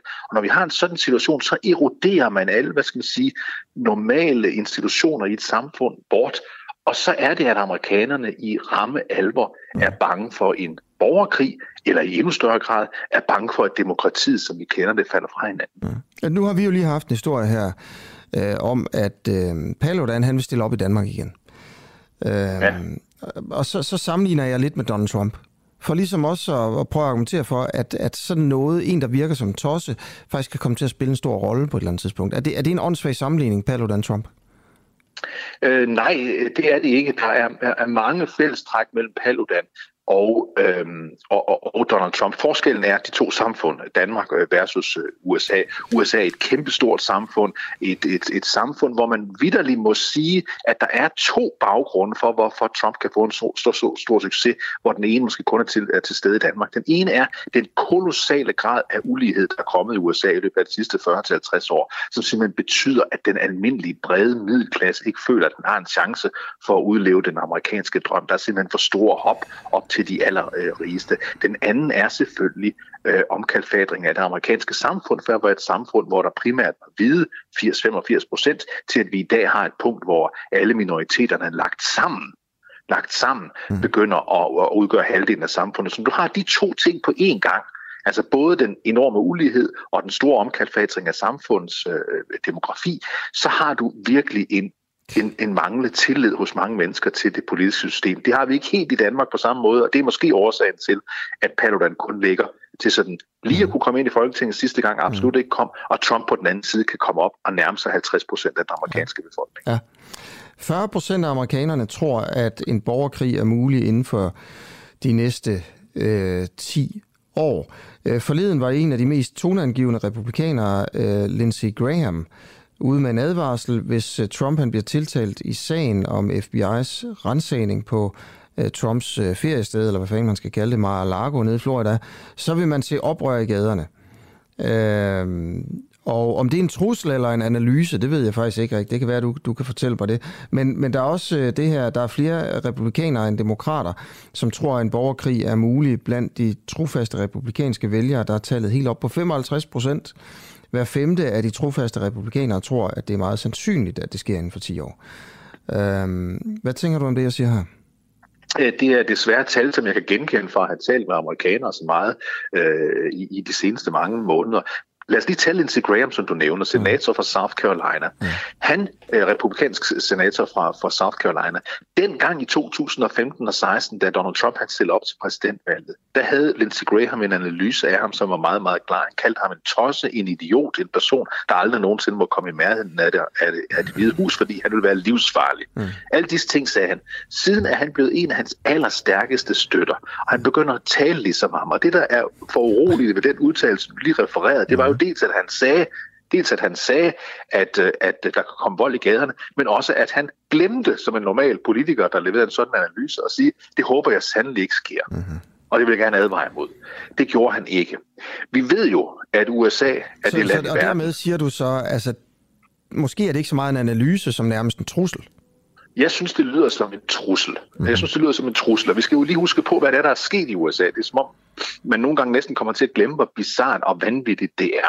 Ved valget i 2020, der vandt øh, Joe Biden en klar og sikker sejr om over 7 millioner stemmer. Alligevel har øh, Trump aldrig nogensinde anerkendt sit nederlag, sit nederlag. Så sent som i nat, Asger, så sent som i nat skrev han på sit eget sociale medie, Truth Social, at han bør genindsættes som præsident omgående, mm. og at Joe Biden bør fjernes, fordi han ikke er den legitime præsident. Når man bliver ved med at sige sådan noget, og man er så magtfuld et menneske, så er det klart, at nogle mennesker, øh, der støtter øh, Trump, begynder at tro på løgnen. Og det er farligt, fordi så har du en, øh, en, en risiko for, at folk griber til våben og begynder at... Og, og, og, ja, altså, man kan jo ikke forestille sig, det kan jeg i hvert fald ikke, Asger, sådan en, en borgerkrig, eller den borgerkrig, der var i midten af 1800-tallet, mm. med kampe mellem to herrer. Men det, man kan forestille sig, det er, det er altså lommer af, af, af vold, øh, politisk vold, øh, som vi jo mm. også desværre allerede ser øh, tendenser til i USA. Okay. Øhm, de 40 procent, jeg vil bare lige vende tilbage til 40 procent af amerikanerne tror, at en borgerkrig er mulig inden for de næste 10 år. Det betyder jo ikke, at 40 procent er villige til at altså, indgå i en borgerkrig eller starte en borgerkrig. Øh, det, det, er jo bare, altså, det kan jo bare være noget, man, man tror, og man tror måske vil ske, men virkelig håber ikke vil ske. Øhm, så hvis jeg spørger dig, tror du, Altså bare sådan som en analyse, David Træs, mm. at, at en borgerkrig er mulig inden for de næste 10 år? Nej. Øh, det tror jeg bestemt ikke. Og, og, øh, og, og det skyldes jo, at den amerikanske stat og militær og politi selvfølgelig er så stærk, at, at man ikke kan forestille sig to sådan herrer, der bekæmper øh, hinanden. Det var det, man, man, faktisk havde, da man havde borgerkrig i, øh, i, i 1800-tallet. Det var jo sydstaterne mod nordstaterne, der havde hver deres her med hver deres general. Den situation er, er, er for mig øh, utopisk at forestille sig. Det, der er muligt at forestille sig, det er, at USA i stedet for sådan demokratisk falder fra hinanden. At USA begynder at ligne et latinamerikansk land, altså et land, hvor demokratiet er ustabilt, hvor dem, der taber valg, aldrig anerkender, at de har tabt, siger, at det er fodboldsvindel, mm. og at der er, der, der er fodbold med, med optælling, og det betyder, at USA bliver til et svagt demokrati. Det er meget mere det, som jeg ser som en, en absolut reel risiko. Og hvad, vil, hvad er den negative konsekvens, hvis det vil ske? Den negative konsekvens, øh, hvis det vil ske, øh, Asger, er jo meget simpel. Det er, at øh, der konstant vil være en destabilitet i USA. Øh, og, og det er jo ubehageligt for os i resten af verden, der har nyt godt af, at USA som demokratiets fakkel, som frihedens fakkel, hvis man nu skal være lidt højstemt, øh, har hjulpet øh, ikke bare os i Danmark, hele Europa, men resten af verden som sådan et, et håb om, at demokrati er noget, der kan lykkes, og hvor demokrati jo er defineret som det sted, hvor hver enkelt borger betyder lige så meget som den anden borger. Den der model, den kan blive svækket, hvis USA bliver et svagt demokrati. Og hvad så? Hvad vil der så ske, hvis, hvis, det, hvis det bliver svækket? Hvis USA bliver svækket, øh, så bliver Vesten svækket, øh, så bliver demokratiet svækket, så bliver menneskerettighederne svækket, og så bliver autoritære regimer i den verden stærkere. Det er så simpelt øh, og ubehageligt at tænke den tanke til ende, men det er jo det, der men. Men prøv at tænke det til ende. Hvad vil der så ske? Så vil der ske det, at, øh, at vi vil få en, en verden, der begynder at ligne den verden, vi kendte for 100 år siden. Øh, lidt mere end 100 år siden, den der i virkeligheden førte til øh, Første Verdenskrig, fordi vi vil få en situation, hvor lande som Kina, som Rusland, som Tyrkiet, øh, som øh, store afrikanske lande, store latinamerikanske lande, vil begynde at kunne konkurrere om verdensmagten med øh, øh Vesten og med øh, USA. Og den eneste grund til, at vi har kunne holde alle disse autoritære regimer nede på den, nogenlunde nede på den globale bane, det er, at vi i Vesten, anført USA, har været så meget stærkere end alle andre, at de ikke har ture angribe os. Vi kan jo bare sætte os ind i vores egen lille stol, øh, Asker.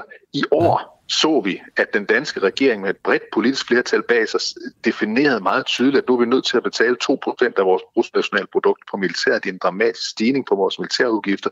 Vi er nødt til at anerkende, at amerikanerne er så meget vores stærkeste allierede, at vi tillader, at de på et eller andet tidspunkt kan få lov til at udstationere tropper her i Danmark. Det viser jo, hvor meget afhængig vi i Danmark er af USA's lederskab. Det mm. ved enhver, der bestemmer noget i Danmark, at uden USA's lederskab, så er vores sikkerhed truet. Så det er jo det, der er vores trussel. Okay, okay. Så og alt det på grund af Donald Trump?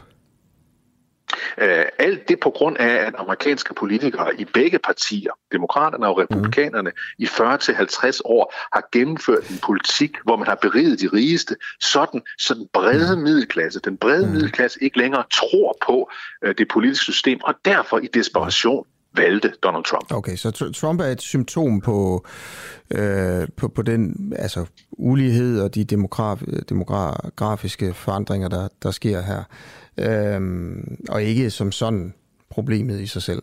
At det, jeg hører Nej, altså, altså han ville ikke kunne lade sig gøre, øh, uden at øh, der havde været den øh, urimelige udvikling, især på økonomien i USA, mm. igennem de sidste 40-50 år, som betyder i al sin enkelhed, at det vi kender som den amerikanske drøm er slået ned. Det er nemmere ja. at udleve den, demokratiske, den, den amerikanske drøm i Europa i dag, end mm. det er øh, i Amerika. Men Asger, når det er sagt, mm. så er Donald Trump selvfølgelig en skrupelløs øh, øh, populist, øh, der mm. udnytter den position til det yderste. Okay. Så det er altså din analyse af, hvorfor øh, at det igen fuldstændig galt i hele verden? På grund af det, der ja. foregår i, i USA her. Er det en venstreorienteret analyse, David Træs? Altså øh, sådan, at det blandt andet skyldes økonomisk ulighed internt i USA?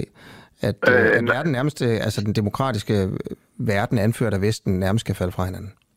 Altså, øh, den analyse, som jeg kommer af, altså, som jeg nævner omkring økonomien, er, er, er selvfølgelig en, en analyse, der mere ligger til venstre, om så må sige, mm. hvorimod den anden halvdel af en analyse, den der handler om den demografiske udvikling, ja. mere ligger til højre. Men sammenlagt kan vi altså se, når vi, når vi kigger på de store målinger af, hvorfor mm. amerikanske vælgere, øh, de stemte på øh, Donald Trump i 2016 i 2020, øh, så er det de her to grunde, der slår ud meget, meget markant. Okay, prøv, det, det sidste, jeg lige vil spørge dig om, det er, lad os lægge analysen væk nu her. Øhm, du siger, at Trump i nat har været inde på sit eget sociale medie, der hedder Truth Social. Ja. Jeg synes, det er svært at få den danske tunge med der, men... ja. ja. Men hvad fanden foregår der inde på det? Altså, jeg har aldrig været derinde. Øh, kan du prøve at tage os med ind bag gardinerne, hvis, hvis du selv er der? Ja, altså Truth Social, du er helt ret i, det er svært at sige, så lad os bare kalde det det, det mere danske navn, mundrette navn. Sandhedens medie, ikke? Ja. det er jo det, der ligger i Truth. Det er jo, det er jo også et meget voldsomt, øh, voldsomt øh, navn på et medie. Det er jo et medie, som Donald Trump han selv oprettet, fordi han blev udelukket fra Twitter, Facebook og alle de andre sociale medier. Så, opdan, altså oprettede han sit eget. Jeg vil sige, det ligner meget Twitter, når man er inde på det.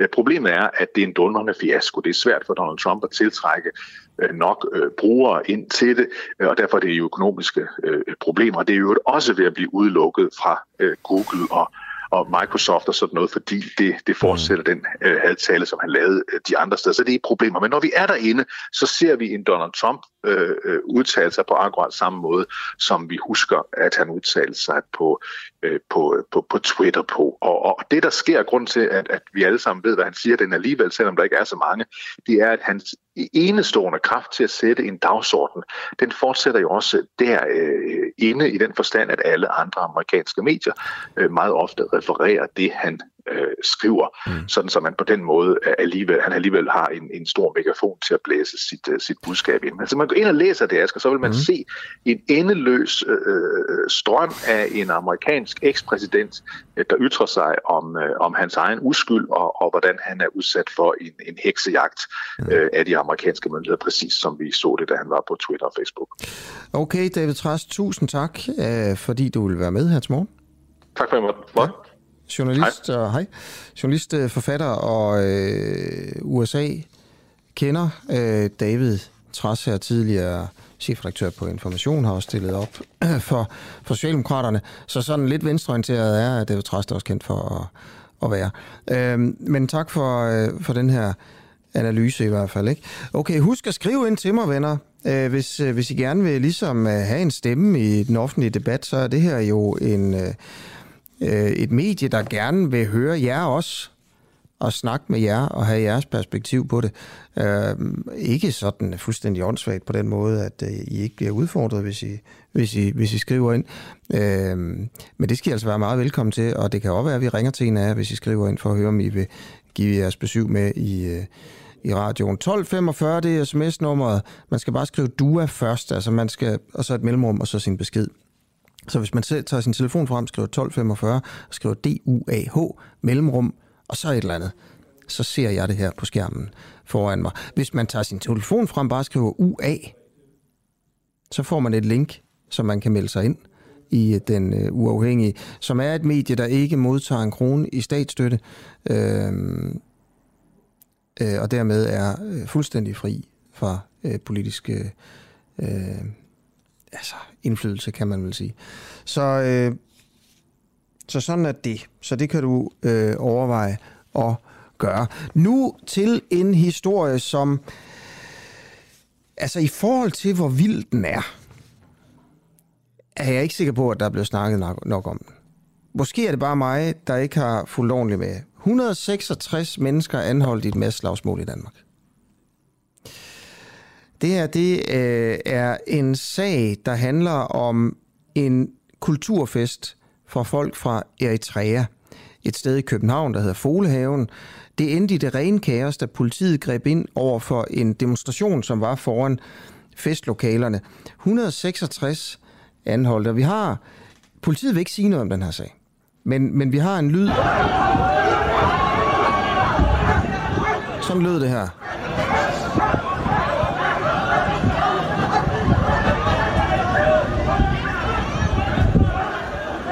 Jeg ved ikke rigtig, hvad man kan få ud af det her andet, end at sådan, det var der, der var der rigtig meget gang i den.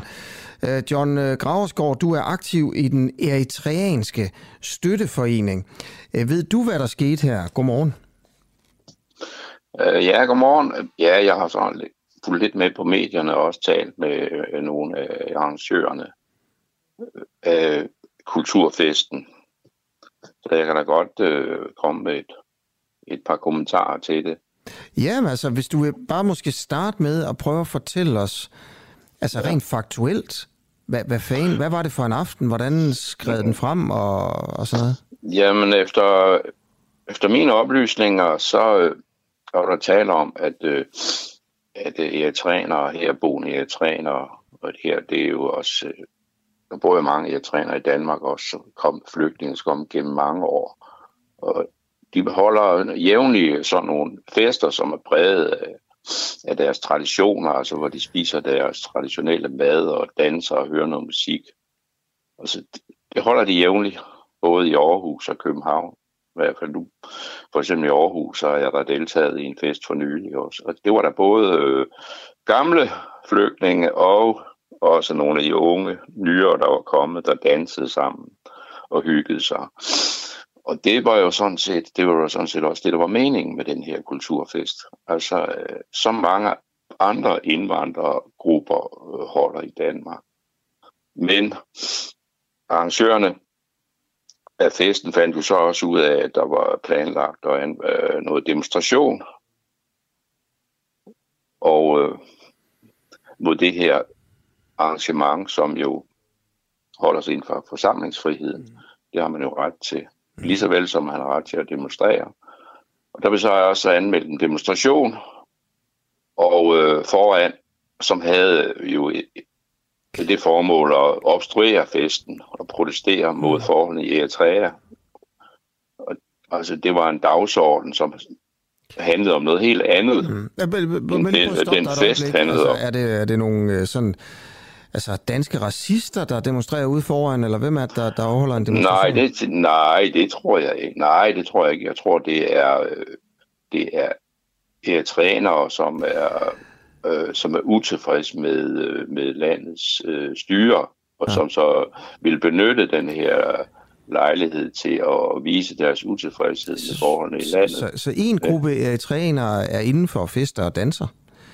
Og en, en Ja, anden gruppe eritreanere står udenfor at demonstrere? Ja, det er jo sådan set det, der udvikler sig.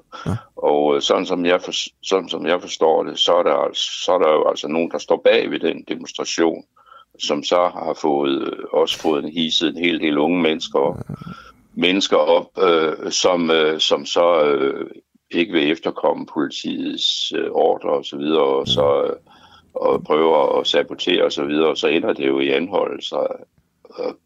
Men, men prøv at fortælle, hvad der foregår så. Altså, de fester indenfor, der kommer en Ja. anden gruppe og demonstrerer ude foran. Er de to grupper altså sådan øh, uvenner eller noget? Det er, jamen, det er fordi, der er en opposition øh, mod øh, der er en opposition mod, øh, mod styret i øh, Eritrea. Ikke? De benytter sig af lejligheden til at vise, øh, fremføre deres politik, og så får de, øh, så får de en, en, øh, en masse mænd, unge, unge flygtninge og andre til at, at, at, at stå udenfor og hisse sig op, og så bliver det jo noget hooliganagtigt. Okay. Og det, og det, det, er jo så, det er jo så det, der er fuldstændig vanvittigt, i stedet for at gå ind og deltage i festen, ikke? og være sammen og snakke sammen, ikke? Og på, øh, føre en dialog om, hvad fanden det, det handler om. Mm. Så, øh, så er der altså kræfter, der benytter lejligheden til at, at hisse, ja. hisse en masse unge mennesker op, og som nu betyder, som jo nu betyder, at nogle af dem nok får et, et hak i straffeattesten. Mm. Men, men jeg skal lige forstå igen, altså dem, der kommer og demonstrerer uden for festen, de har en anden, hvad kan man sige, politisk overbevisning på en eller anden måde, end dem inden. Dem derinde. Jeg ved, i hvert fald dem, der står bag, øh, Ja, dem, der står bag, anmeldelsen af demonstrationen, altså de er, de vil udtrykke en politisk kritik, så, så altså de vil benytte lejligheden til at så og, øh, og få fremføre deres dagsorden. Ja, men hvorfor ikke? gør de det lige foran festen? Jamen det er jo... Gør de det ikke foran Christiansborg eller et eller andet? Hvorfor? Altså, det, jeg prøver at forstå, Ja, jo, jo, det jeg virkelig øh. spørger om her, John, det er også, er det sådan en, en konflikt internt i Eritrea, som de her flygtninge har taget med til Danmark, og nu sådan udfolder her i landet? det er en, øh, det er en konflikt, som, øh, som jo også, øh, man ser jo ser i andre lande i Europa, ja. ikke? altså for eksempel i Tyskland, Men, men er det en... Er de det jo, en fik, øh, fik, fik de jo saboteret en, en fest i Tyskland, jo. og i, i, øh, nej, i Stockholm har det, er det øh, vist forløbet meget, øh, forløbet okay. meget godt, men, hvor man men, har men det er ikke det, jeg spørger om, festet, John. festet det, sammen. Det, det, jeg bare spørger om, det er, er det sådan en lokal, altså, eller en national konflikt internt i Eritrea, som flygtningene har taget med til Danmark, og så nu har den konflikt her i landet? Nej, det er ikke en... ja, Det kan man, det kan man selvfølgelig godt sige, men det er jo, der er jo en opposition, ikke? Ja, okay. øh, til, øh, som så øh, en politisk opposition, som øh, findes i udlandet, ikke? Mm. Øh, som så øh, fremfører deres synspunkter. Okay, og, og så, På den måde. så John, så sker der det, at demonstrationen kommer, øh, og så ender det jo i 166 øh, anholdelser. Hvordan sker det? Sådan som jeg forstår det, det er, for, det er jo fordi, at de ikke vil efterkomme politiets henstillinger om at forholde sig i ro. Ikke? Og så øh, begy- for der er også øh, folk, der forsøger at trænge ind til festen, og med utilf- og som øh, så øh, politiet, øh, politiet øh, har selvfølgelig, de forsøger selvfølgelig at, at beskytte øh, festen, så man, øh, i samarbejde med de sikkerhedsfolk, der er jo også er omkring den fest. Okay, Det, øh, okay det er jo, så, så dem, der holder det er jo- demonstrationen, det er jo simpelthen ind til festen, altså og gøre noget, der er De er farligt? ude, jamen, de er jo udenfor, og så prøver de jo at sabotere. Altså, så bliver det noget hooliganagtigt okay. noget jo, ikke? Ja. ikke? Altså, det er jo ligesom, du kan jo sammenligne det lidt med en fodboldkamp, hvor der er også nogle tosser, der, der prøver at, øh, at ødelægge den gode, mm. øh, den gode fodboldfest, ikke? Mm. Okay. Øhm, i flere, i, ifølge nogle øjenvidner, som vi har talt med, der havde politiet ikke styr på situationen. vi ved ikke, om det er rigtigt, men det er, hvad, hvad vi får at vide her. Vi har talt med to, skal jeg lige sige. Øh, det, det lignede ikke, siger de to, at politiet havde fået den korrekte træning til at håndtere sådan en situation der, og hundeførerne havde ikke kontrol over hundene. Ifølge de her øjenvidner, øh, der kan man, og, og den video, som vi har lyd fra, der kan man se, at politiet øh, øh, slår demonstranterne, og om demonstranterne selv havde været voldelige i optakten, øh, det ved vi simpelthen ikke. Øh, slagene, det, de fik, det ved jeg heller ikke. Øh, Men- slaget, det, var- det var Men det- umotiveret slag. Lyder det fra øjenvidnerne? Igen. Men at politiet det er jo altså så gået amok, men problemet er, min ven, det er jo, at den demonstrationsledelse, de har jo ikke haft styr på deres folk. Ikke? Hvis, man er an, hvis, man, hvis man vil holde en demonstration, ikke? eller et møde, så, Mhm. så skal man jo have nogle ordensvagter. Ikke? Man skal da have man skal have styr på tingene, ikke? så der ikke er nogen øh, brugshoveder og øh, ikke ødelægger det hele, fordi så kan det jo gå hen og blive sådan noget huliganagtigt noget, jo ikke? Mm. ikke? Og hvad alt tyder på, at der er sket. Dem, dem, der prøvede at trænge ind til festen fra den ene Eritrea-gruppe, hvad ville de ind til den fest? Altså, ville de øh, udøve vold, Jamen, eller hvad man altså, siger? Ja, det har de jo vist andre steder i Europa, at øh, de er voldsparate, nogle ja. af de her folk. Ikke? Men, men der er jo nogen bagved, som hisser de unge mennesker op. Jamen, det har du sagt nogle gange. Ikke? jo. Ja, og, og det, kunne du jo, det kunne du jo prøve at forholde dig lidt til. Ja, hvem Men er det bagved, det- der hisser dem op? Ja, det ved jeg sgu ikke. Nå, hvordan Øh, har- så, der er nogen bagved? Jamen, det er da helt tydeligt, når Hvordan de, ikke det? kan, når, de, når de ikke kan holde styr på den demonstration. Men altså, fordi en sgu da- demonstration øh, går, går agurk, så siger du, der er nogle bagmænd. Men det er da ikke sikkert. Jamen, Det jamen, det er sgu da dem bag, ja, bagmænd, jamen, jamen, det er sgu da dem, der arrangerede demonstrationen. Det er sgu da dem, der er bagmændene. Nå, de skal, okay. da, Men, de skal da have styr på deres demonstration. det er da ikke sikkert, at dem, der arrangerer demonstrationen, er ansvarlige for, at, øh, at det eskalerer. Hvordan kan du vide Det ved jeg ikke. Har du nogensinde været med til at arrangere en demonstration, så har man altså så, har skal man, så har man ansvar for, at demonstrationen over Ja, ikke, jeg ikke, og, ikke og er lov, for det første er lovlig, ikke, og at den øh, forholder sig, øh, og man efterkommer politiets henstillinger. Jeg sagde Ikke? engang, jo jo, okay. Ja. Øhm, Hvis man ikke efterkommer politiets henstillinger, så ender det jo i, så ender det jo lidt i kaos og arrestationer, så, ikke? så det kan være, at du har ret i, at der er nogle bagmænd, der står bag. Det kan også være, øh, at... at øh, at Ja, det er sgu ikke spontant, det her jo. John, Vel. hvorfor er du med i øhm, altså, den eritreanske støtteforening, er der en, der spørger om her. Øh, det er Grete. Hvorfor jeg er med? Ja. Nej, det er ikke hende, der spørger om. Der er en anden, der spørger. Øh, ja, hvorfor er du med? Altså, hvad, hvad? Fordi, fordi jeg har kendt uh, trænere siden de første flygtninge kom allerede for 30-40 år siden. Ja. Ikke? Så jeg, har, jeg, jeg kender folk helt fra den gang, og, og har venner både i Eritrea og her i Danmark. Ja. Så jeg kender faktisk en del til landet. Ja. Jeg har fulgt landet siden befrielseskampen og op til nutiden. Ikke? Og, øh, og set, hvad der, jeg ved, hvad der sker i landet, mm. og øh, hvad der sker i Europa. Ikke? Mm. Så jeg har, fulgt, jeg har fulgt udviklingen, derfor ved ja. jeg faktisk lidt om det. Ikke? Ja. Uh, Hugo skriver ind nu her, uh, Asger, du egner dig ikke til at tale med normale mennesker. Uh, og han synes, jeg, det er et dårligt interview det her, men det er jo selvfølgelig også fint nok. Uh, var du der, John? Du var der ikke, vel? Du, uh, du har bare snakket med folk, der, der ved noget om det. Er det korrekt forstået? Ja. Okay. Uh, ved du, altså, kan, har du nogle eksempler på, hvad du har hørt om, hvor voldeligt det her var? Nej, det er jeg så, det er, det er jeg så ikke klar over, men okay. det, det, er jeg ikke, det, det ved jeg ikke noget om, men altså, der skal jo en hel del til, før at, øh, at politiet øh, øh, arresterer folk og, og ja. tager dem med på stationen. Ja, det er det. Skal der jo altså en hel del til, ikke? Jo. Støtter du diktaturet i Eritrea? Er, nogen, der? Er der en, der spørger? Nej, jeg støtter ikke noget diktatur nogen steder. Nej. Det gør jeg ikke. Nej, okay. Nej men øh, jeg, jeg, jeg er interesseret i at, øh, at øh, give nogle oplysninger om, hvad der foregår ikke? Ja. I, i landet også, øh, fordi der er meget ukendskab til, hvad ja. foregår det egentlig er, der foregår. Der er jo mange, der er flygtet fra Eritrea til, til Danmark. Øhm, og Eritrea er jo et, et land i Afrika, og jeg, jeg er ret sikker på, at mange, det er sådan, som jeg husker det, mange har flygtet, fordi at de flygter fra militærtjeneste. Øhm, det kan være, du ved noget andet, jeg gør her. Er det ikke nogenlunde korrekt, John?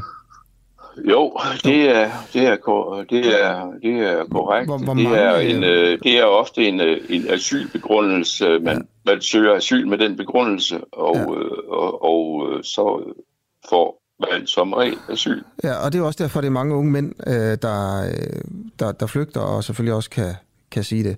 Øhm, mm.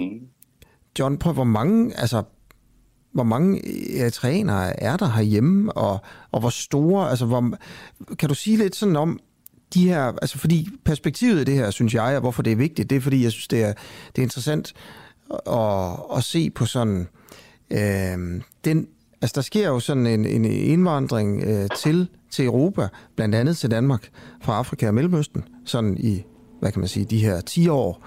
Det er sådan den store tendens, øh, der er med demografi i Europa. Øhm, og en af de ting, der jo er, det er, at man tager, man tager ting med. Man tager for eksempel uenigheder øh, og konflikter med hop. Kan du prøve at sætte nogle ord på, om det også er, noget, altså om, om det er korrekt at se det på den måde, som jeg ser det på her? Altså i det perspektiv, at, at nogle af de stridigheder, der er nationalt, det bliver taget med hertil? Jo, sådan er, jo, det, er jo, det er jo ikke anderledes end så mange andre. Nej. Altså, du kan jo se, at tyrkerne i Danmark, de er jo også pisse meget, meget uenige indbyrdes. Ikke? Prøv at se øh, kurder og tyrkere.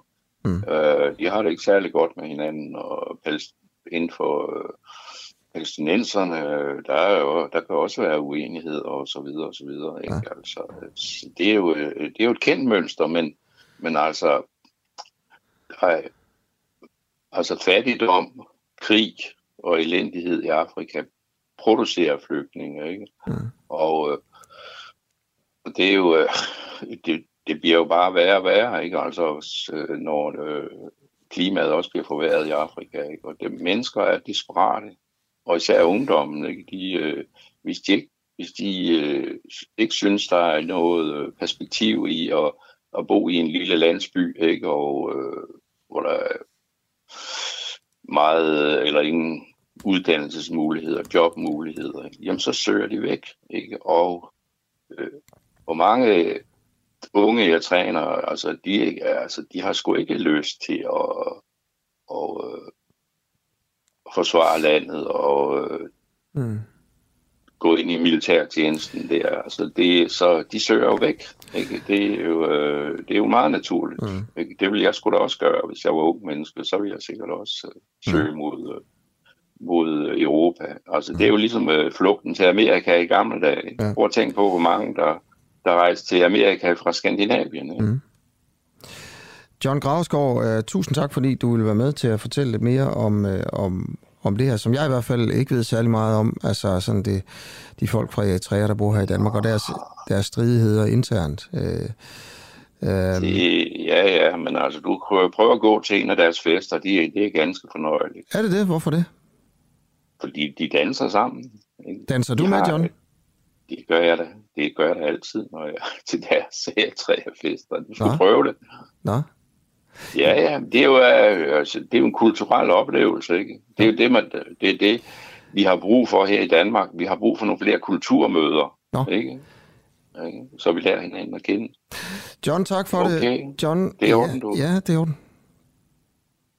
Hej. Ja, tak. I lige måde. Hej. John Gravsgaard, aktiv i den eritreiske støtteforening. Til historien her om øh, en eritreisk kulturfest, der endte kaos. Øh, politiet greb ind 106 så 60 anholdte øh, til den her fest. Okay, øh, det var det om det. Vi, vi prøver at få en masse kilder på her i løbet af de næste par dage også, bare, bare så I ved det her, men, men vi starter så med John.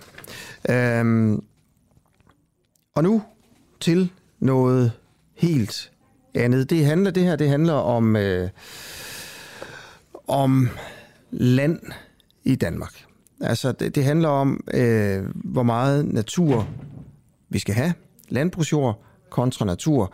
Øh, men, men det handler også om, om, om øh, bønder bliver behandlet ordentligt i de krav, der bliver stillet til dem fra myndighederne. De her regler kommer tit fra, fra EU, men så skal de jo forvaltes af, af den danske stat. Øh, og, og helt konkret, måske havner naturglade øh, øh bønder i et helvede af byråkrati. Fra 2023 skal alle danske landbrug omlægge minimum 4% af jorden til natur. Fint nok. Det er en regel, det skal man gøre. Men de her krav, de tager ikke højde for, øh, om bønderne allerede har lagt jord om til natur. Så hvis man allerede har gjort det, så er det ikke nogen, så skal man bare gøre det endnu mere. Øh, Sten Dissing, du er landmand, øh, næstforperson for Økologisk Landsfor, Landsforening, eller næstformand. Øh, hvad kalder, godmorgen, hvad, hvad kalder, kalder du dig selv næstformand eller næstforperson? Uh, vi hedder, jeg hedder næstforperson. Næstforperson. Øh, hvilken konsekvens har det konkret for dig, at du allerede har omlagt flere af dine hektar til natur? Ja, man sige, vi, vi har jo en drift, hvor vi har kigget på det, øh, hvad der egentlig var rationelt. Og så har vi egentlig gjort det, der var lidt forud for planen.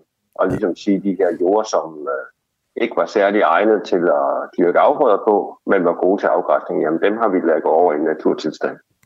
Ja. Øh, når så kravet nu her kommer, så er det egentlig sådan, at de arealer, de kan slet ikke godkendes til det, fordi vi har allerede gjort det. Mm. Så nu får vi så et yderligere krav ja. øh, på, på 4%. Og egentlig er det, har det jo sådan, at, at jeg mener, at vi skal lave plads til noget mere natur i landbruget. Ja. Øh, men min mulighed, det er egentlig at, at tage noget af det dyrkningsjord, jeg har tilbage, som er de gode marker, ja. og så lægge ud i brak. Okay, så, så, og det synes du, altså jeg skal bare lige, du synes, det er uretfærdigt, kan man sige, unfair, at du har allerede gjort det, og nu skal du så altså, gøre det endnu mere. Altså, du burde ligesom kunne trække det fra, det du har gjort før. Ja, man kan sige, altså mine, mine gamle arealer, de er jo egentlig registreret i ja. systemet som, som tidligere agerland. Altså, der har været i drift. Ja. Øh, og man kan sige, øh, altså det, det, der bekymrer mig mest, det er jo, at vi får faktisk ikke mere natur af en, af en, en lovgivning, som egentlig gerne skulle give os mere natur. Altså, der skal omlægges ting til natur? Ikke? ja, men hvis, du laver en, øh, hvis, du, hvis, hvis man laver en brakmark, altså jeg vil sige, at du tager din ja. græsplæne, og hvis ja. du havde en græsplæne, og bare lå den være, så vil der bare vokse langt græs op. Øh, reglerne er, at der ikke må gå nogen dyr. Det vil sige, at de eneste, der får en chance, det er dem, man kan klare sig i højt langt græs. Øh, ja. det, det bliver det ikke til natur af. Og så, og så må vi jo i øvrigt øh, lade naturen, så at sige, rotere. Så jeg kan lade den være natur et år, inddrage den i driften næste år og udtage nyt areal mm. som natur. det er ikke det, naturen har brug for. Den har brug for ro. Okay. Så fra 2023, der skal alle landbrug omlægge minimum 4% af jorden til natur, uanset om man har gjort det før, ikke? som du har gjort. Øhm, Hvad er, altså hvad sker der, hvis du nægter? Øh, så får jeg ikke det, der hedder enkeltbetaling, som er EU-støttekronerne. Mm. Så, så altså, når man fremlægger det lidt som om, at det er et krav og sådan noget, så er det i virkeligheden bare, at man siger, altså for at blive ved med at være på støtten, så, så skal I ja. gøre sådan der. Så du kunne Ja, bare, det du kan man kunne bare lade være. Så længe vi altså. har Altså, så længe vi har støttesystemet, så, så, så er der, og- og der er jo masser af krav i støttesystemet, ja. som, som altså til øh, normer for alting, ikke også, som er helt fair, at man skal opføre sig mm. ordentligt over for dyr, jord og planter. Mm. Øh, og, og det er en del af også kravene, men der, her kan man sige, hvis man ikke opfylder det her, jamen, så, så kan man slet ikke opnå støtte. Nej, så kan man ikke nå at bestå- Altså, hvor afhængig er du som sådan øh, en, øh, en landmand her, økologisk landmand, er støtte fra EU? Altså, altså, nu er jeg selv i en situation, hvor man kan sige, at, at det, jeg får, det, det bruger jeg til at betale skat med. Så, så, så man kan sige, der, der kommer så bare mindre skatteindkomst for mig, hvis, hvis jeg ikke får støtten. Øh, men lige nøjagtigt som økolog er det sådan, at hvis vi ikke er i EU-støttesystemet, så kan jeg heller ikke være økolog. Men, men vil du have et, altså, vil du have et, hvor, hvor meget af din omsætning kommer fra EU, kan, hvis man kan sige det? Øh, 10 procent. 10 procent. Vil du have et overskud, hvis du ikke fik noget støtte? Øh, ja. Nå. Men, men, jeg, Så men det, er mig. en- Det, er, der- det, er jo, det er jo der rigtig mange, der ikke vil have. Ja, ja, altså, okay. Så, jeg har jo altså, været landmand i 30 år og har betalt gæld af. Jeg vil sige, Ja. at Jo, jo. alle nyetablerede, rigtig mange, de vil overhovedet ikke kunne få det til at hænge Nej. sammen. så, men hvis vi nu tager dig, altså... Jeg, jeg kommer også bare til at tænke på det her med, at det bliver fremlagt som om, og det kan man måske også godt argumentere for, at det sådan er et krav fra EU, og det er uretfærdigt og sådan noget, men det handler jo bare om, at de gerne vil altså, øh, have lidt indflydelse på dem, der får støtte. Øhm, hvorfor, er det, hvorfor er det egentlig retfærdigt? Altså du ved, der er jo simpelthen så meget landbrugsstøtte ikke? fra EU, at, at du har en virksomhed, som giver overskud uden støtte, og så skal du alligevel have støtte. Hmm. Ja, det kan, man, det kan man så sige. Det, altså systemet er et, der er lavet fælles for alle, fordi oprindeligt ja. til, at man gerne ville have at være sikker på, at der bliver produceret fødevarer nok. Mm. Øh, og, og, og så har man så besluttet for at lave et system, hvor man understøtter landmændene med en slags, kan man sige, øh, en, en, en bundbetaling. Ikke? Altså at man ligesom er sikker på at have en vis indkomst. Øh, men det er jo stadigvæk vores produktion, vi lever af. Altså man kan sige, Øh, men, men med en støtte er der jo så kommet nogle krav, der, der ligesom er, følger med. Man kan sige, okay, hvis du vil have støtten, skal du følge de her regler. Men, men du kan jo bare lade være med at gøre det. Du tjener penge alligevel. Sten. Ej, det vil så sige, at jeg, vil også holde, skulle holde op med at være økolog, hvis ikke jeg var med i EU-støttesystemet. Så snedigt er det at skrue sammen nu. Øh, og så vil jeg ikke kunne Du leve har af det. lige sagt, at du tjener penge uden støtte. Yes, men det er som økolog. Ja. Så kan du også bare altså, Altså- være med at få støtte, så tjener du penge alligevel. Ja, så skal jeg også holde op med at være økolog. Det forstår jeg overhovedet ikke. Altså hvis du tjener... Du er økolog nu. Mm, ja. Du er økolog nu, og du tjener penge ja. uden støtte, siger du. Ja, her der kan man sige, så kan lige nøjagtigt mig. Ja. Min, min, Ja, min situation er, at, at jeg kunne godt undvære de 10 procent. Rigtig mange andre kan ikke. Og så kunne du godt fortsætte som økologisk landmand. Og stadig tjene penge. det, kunne jeg, det, det ville jeg kunne ikke. Jeg ville, at, og det er simpelthen... det Altså, det jeg er teknisk forstå. kompliceret, men det er faktisk sådan, at en del af min økostøtte kommer fra EU. Det er jo også jeres skattekroner, som I har indbetalt til EU, som bliver brugt til at betale til økologerne. Ja. Men det kræver, at vi er med i systemet og overholder kravene. Okay. Øh, Okay. Sten, jeg tror, jeg blev en lille smule forvirret af det hele. Ikke også? Fordi jeg synes også bare, du sagde, at du tjener penge uden... Hvis du ikke fik støtte, så ville du tjene penge. øh, jeg vil sige, lige nok til mig, kunne Ja, ja, undvære de præcis 10 dig. procent indkomst. Ja. ja. Okay. Men det, er jo, det, det kan jeg jo så sige, at det er der rigtig mange andre, der ikke kunne. Nej. Nu kom det også til at handle om noget helt andet jo selvfølgelig, landbrugsstøtte og sådan noget, men det var i virkeligheden også det, der ligger til grund for de her krav jo, ikke? Uh, at det handler om støtte det hele. Altså, det handler om, hvad I, Ja, hvad, I, hvad I vil gøre for støtten, for at få mere støtte eller ikke få noget støtte. Og, um, Ja, her er det bare et spørgsmål om, at hvis du ikke opfylder kravet, så får du slet ingen støtte. ja, det er det. Okay. Ja, skal Altså, man- jeg, jeg synes faktisk, men jeg synes egentlig, hvis jeg må sige noget, så synes jeg, at dilemmaet er størst ved, at vi prøver at indføre regler, som skal give naturen plads. Og nu ender vi med at få et regime af regler, som faktisk ikke giver mere natur. Det synes jeg er det største dilemma, fordi at Jeg er egentlig enig i, at vi i landbruget skal give mere plads til naturen. Mm. Men det her, det vil ikke gøre det.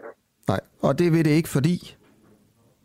Jamen dels fordi, at man kan sige, alt det, vi har gjort forud, for eksempel, jeg har lavet arealer over, øh, overgå til nogle naturlignende arealer, øh, dem, de er ikke beskyttet på nogen som helst måde. Jeg kunne i år have havet dem op, sået en eller anden afgrøde til næste år, så kunne jeg have sagt, okay, nu er det det her stykke, der skal være natur. Så har de været inde i mit produktionssystem. Jeg har høstet en afgrøde. Mm. Næste år kan jeg trække dem ud som de 4%. Det har jo ikke givet det mindste mere natur. Jeg kan fælde mit læhegn, som mm. vokser på mine, øh, mine øh, marker. Mm. De giver læ, men de giver også en masse biodiversitet. Mm. Jeg kan virkelig, nu her, hvor gaspriserne er så høje, kunne jeg bare finde min læhegn, sælge fri, flisen til en enorm høj pris.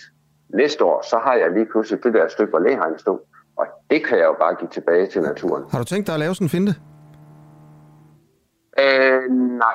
Kan du udelukke Fordi jeg holder utrolig meget af min læhegn, okay. men jeg ved, at det sker. Det sker rundt omkring, okay. Det, det gør jo, det. Det er jo okay. Nå, det gør det. Det kan være, du kan give os Ja, men det- altså- øh, på navn på nogen, der, der laver det nummer der, for det virker da også helt åndssvagt, altså. Øh, Nej, det er, det er meget økonomisk rationelt. Ja, det er økonomisk rationelt, men det virker ja. jo åndssvagt, sådan uh, set i større perspektiv. Jo, men man kan sige, lige nu der mangler vi, lige nu man der mangler vi natur, gas. så man kan lave ny natur næste år, så man kan få noget støtte. Øhm, Ja. Okay, Sten Dissing, næstformand for Økologisk Landsforening. Øh, næst forperson, undskyld. Øhm, tak. Hvornår har I ændret det egentlig fra for, formand til forperson? Ja, det var, det var, det var sidste generalforsamling, hvor okay. det blev vedtaget. Okay. Okay. Var det øh, flertal? Ja, ja ellers så bliver det ikke ja, nej, vedtaget. men det mener jeg enstemmigt, det er det, jeg mente. Nej, det var ikke enstemmigt. Nej. Men der var et stort flertal. Og det var der alligevel. Ja, tak for interviewet. Det er fint. Tak skal du have. Klokken er 10 minutter i øh, 9. Øh, du lytter til den, øh, den uafhængige. Øh, og jeg vil lige prøve, vi sidder jo her også og kigger på dagens, øh, dagens nyheder. Rusland køber artilleri fra Nordkorea. Det er tækket ind her til morgen ifølge Reuters og New York Times. Øh, så er russerne simpelthen så presset, at de er nødt til at købe våben fra nordkoreanerne. Øhm, og så er der den her historie, der handler om, at der er nyt om Scandinavian Star-sagen, som jo bliver undersøgt lige nu. Øh, og nyheden er, at Scandinavian Star, ifølge en pressemeddelelse her fra Erhvervsministeriet, øh, skulle have været underlagt en havnestatskontrol. Øh, og altså, det, alt om Scandinavian Star er, er komplekst, men altså, vi har at gøre med en, øh, en passagerfærge, øh, hvor altså, der brænder, øh, og mange mener, det er en, øh, en forbrydelse, der, der ligger bag. Og Thomas Vest, tidligere politimand, øh, hvor mange er det, der dør i Scandinavian Star? Jeg kan ikke helt huske det. Godmorgen. Det, ja, godmorgen, Asger. Øh, 159. Øh, 159 mennesker øh, omkommer, da færgen sejler fra Norge til, øh, til Jylland, øh, fordi der, der går ild i den, ikke? Øh, og du hører jo til dem, der mener, at det var en påsat brand. Øhm, Ah, det mener myndighederne også, så vi er temmelig mange, kan man sige, der mener, at det er påsat. Okay, modtaget. Øh, Vest, øh, vi, har, vi to har lavet en podcast om det her, øh, som ligger inde på vores øh, app, og den hedder Vest. Og der, det er simpelthen altså, det er ni afsnit, hvor vi altså fuldstændig nørder ned i mysteriet om Scandinavian Star. Øh, og samtidig med det, så foregår der jo en, øh, en ny undersøgelse om det her. Øh, Øhm, og så er der kommet noget frem nu, altså Scandinavian Star burde have været underlagt en havnestatskontrol. Kan du prøve at sætte nogle ord på, hvad, hvad, hvad, det, hvad det er for noget? Jamen, det er, at øh, når, når sådan et skib kommer ind, så, så skal søfartsmyndighederne gå ombord og gennemgå skibet og sørge for, at der kommer rene certifikater på, på sådan et skib, at det, det er fuldstændig, øh, fuldstændig tjekket op. Øh, og det har så ikke været sket her. Og, og derved kommer skibet til at sejle i den her meget, meget dårlige stand, som, som vi beskriver øh, i podcasten, og som har været beskrevet nøje tidligere. Mm. Øh, så så øh, myndighederne lever simpelthen ikke op til deres ansvar her. Øh, det, det er sådan den korte, meget kort version af undersøgelsen. Okay. Øh, Og, og det er jo et skib, der kommer fra Karibien, og så bliver det sejlet til, til Danmark og Norge. Og, og det kan man også høre i podcasten. Altså, det er simpelthen altså bare en skråtbunk, der kommer sejlende mere eller mindre. Øhm, og, og en af skandalerne er jo, at, at, at man bare lader det, sætter det ind på ruten, uden at, at få det stoppet. Øhm, ja. og, og det var det, altså hvis, hvis man havde lavet den her øh, havnestatskontrol, som der så burde have været lavet, havde man så fået stoppet det her? Havde det forhindret katastrofen? Øh, jamen, det kommer lidt an på, hvad, hvad form for kontrol de har lavet, fordi med, altså, rapporten er øh, er, er muligt endnu mere nørde end, end vores podcast. Øh, man, man kunne have lavet den kontrol, som, hvor man kun har kontrolleret skibets certifikater. Øh, og så hvis der havde været rene certifikater på skibet, så kunne man egentlig godt have ladet, sejl, ladet det sejle videre, uden at lave en fornyet kontrol. Det er det også det, der står i rapporten. Øh, der står så bare, at øh, myndighederne heller ikke, at man kan ikke påvise, at myndighederne ved skibet var der, eller at de har været dernede. Men, men de kunne have lavet en kontrol, hvor de kun havde kontrolleret certifikaterne, og, og, og du kan jo huske på podcasten, hvordan vi gennemgik øh, de falske certifikater, skibet var forsynet med fra USA. Mm. Øh, så, så det passer jo rigtig godt ind i, øh, i det billede, at de certifikater skulle lige have, have holdt myndighederne væk fra skibet. Mm. Øh, hvorfor er det, mener du, vigtigt her, altså 30 år efter, at, Jamen, altså, at, at beskæftige sig med, om der er lavet en eller anden uh, certifikatkontrol af Scandinavian Star? Jamen, det, det er jo fordi, at man, man ved, at der var rigtig mange af de 159, der døde, alene på grund af skibets uh, manglende sikkerhed. Og når det er en myndighedsopgave at påse det, øh, så har det selvfølgelig altid været vigtigt øh, og, og få fastslået, hvordan gør vi det her, så det ikke sker igen. Øh, punkt to, så viser det jo, øh, det, det der også står, så nu, nu laver jeg en fri oversættelse, jeg har kun lige læst rapporten øh, hurtigt igennem herfra, øh, den nye rapport igennem, øh, så står der jo, øh, øh, at forvaltningsmæssigt har man jo ikke levet op til sit ansvar. Det vil sige, man har lavet en inkompetent øh, øh forvaltning inden for det her område, og det har man jo også gjort i hele den danske straffesag øh, fra Søforstyrelsens side. Det var jo dem, der, der undersøgte alt det omkring branden i Danmark. Øh, og det, det var jo simpelthen så inkompetent, det der foregik. Så, så øh, og det har vi gennemgået i podcast, hvis man vil have detaljerne. Mm. Men, men eksempel, eksempelvis så rekvirerer Søforstyrelsen jo først certifikaterne fra Lloyd til USA. Dem rekvirerer de først i maj måned 1992. Altså mere end to år efter morbranden rekvirerer de certifikaterne fra USA er måske en lille smule inkompetent og sen for at være meget flink ved Søforstyrelsen. Man kan også sige, at det, det, det er en skandal. Mm. Øhm, Thomas Vest, du siger du, at du kun lige har haft tid til at skimme rapporten, tror jeg, du sagde. Øhm, altså, så er det gået over på hovedet på mig, at, at, at det er den rapport, som, som, som vi har siddet og ventet på i, i et stykke tid, altså kommissionen? Nej, jeg, jeg, tror, jeg tror, der er detalje der. Der er jo faktisk to undersøgelser. Okay. Den ene undersøgelse, det er den, vi ser nu. Det er den omkring, kun omkring Søforstyrelsen. Og den anden, det er jo den, der hedder Taskforcen, hvor man kigger på ejer, forsikrings- og, og redderforhold. Okay. Så jeg tænker, det er den sidste, du, du, du troede ja, måske, præcis, at det, ja. de var... Ja, nej, nej, det, det her, det er, det, det er det, hvad kan man, den lille undersøgelse, der kun handler om Søforstyrelsens rolle i det her mm. omkring, øh, om skibet skulle have været syne. Ja. Eller kontrolleret. Øh, det, det er kun den lille undersøgelse. Nej, nej, taskforcen, de, øh, de, de er vist langt fra færdige nu. Okay, så du, vil, du vil din konklusion her med den, den rapport, der er øh, om øh, Søfartsstyrelsen, om, om den har levet op til sit ansvar, øh, der siger du så med det, man kan læse der, nu vil jeg ikke lægge det over i munden, hvad er din konklusion der så? Jamen det viser jo, at det har været dybt inkompetent det, der er foregået. Øh, og det viser jo også, at Søforstyrelsen har haft en... Altså det her har jo været undersøgt før jo, hvor Søforstyrelsen jo har benægtet, at der var noget som helst galt. Og det kan man sige, det viser den her undersøgelse. Øh, pårørende har jo mange år sagt, at Søforstyrelsens måde at behandle sagen på, egentlig gik mere ud på at dække over deres egen inkompetence, end at, end at finde ud af, hvad, hvad der var op og ned i sagen. Er du enig i det? Øh, fuldstændig enig. Altså, bare det, at man ikke har... Altså, de helt afgørende certifikater i, i sagen, som jeg jo selv har efterforsket mig frem til, var falske, dem, dem, dem har man overhovedet ikke fokus på.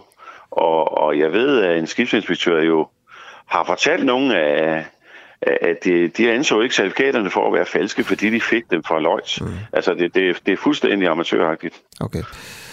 Godt. Øhm, Thomas Vest, tak fordi at du vil være med her for en, øh, for en kort bemærkning. Tidligere politiefterforsker i øh, øh, flere steder i, i politiet igennem. Hvor mange år er det, Thomas?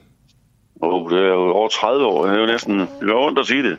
Over, over 30 år. Og nu er du jo politiker øh, og øh, sidder i både region og kommune for Nye Borgerlige. Ja.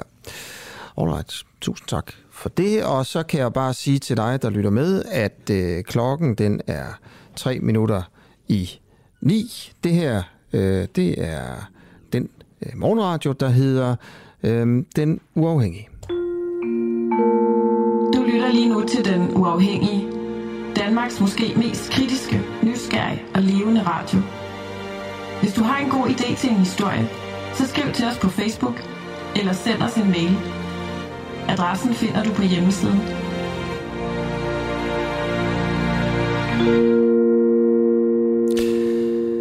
Ja, og så er øh, klokken ved at være 9. Jeg er sådan set færdig for i dag. Der er lige to minutter tilbage, så skal jeg jo sidde og snakke her. Så kan jeg bare lige sige tak til, for alle sms'erne. Øh, Jakob Lund, du skriver tak for en god morgen og have en god dag. I lige måde, Jakob, tak for det.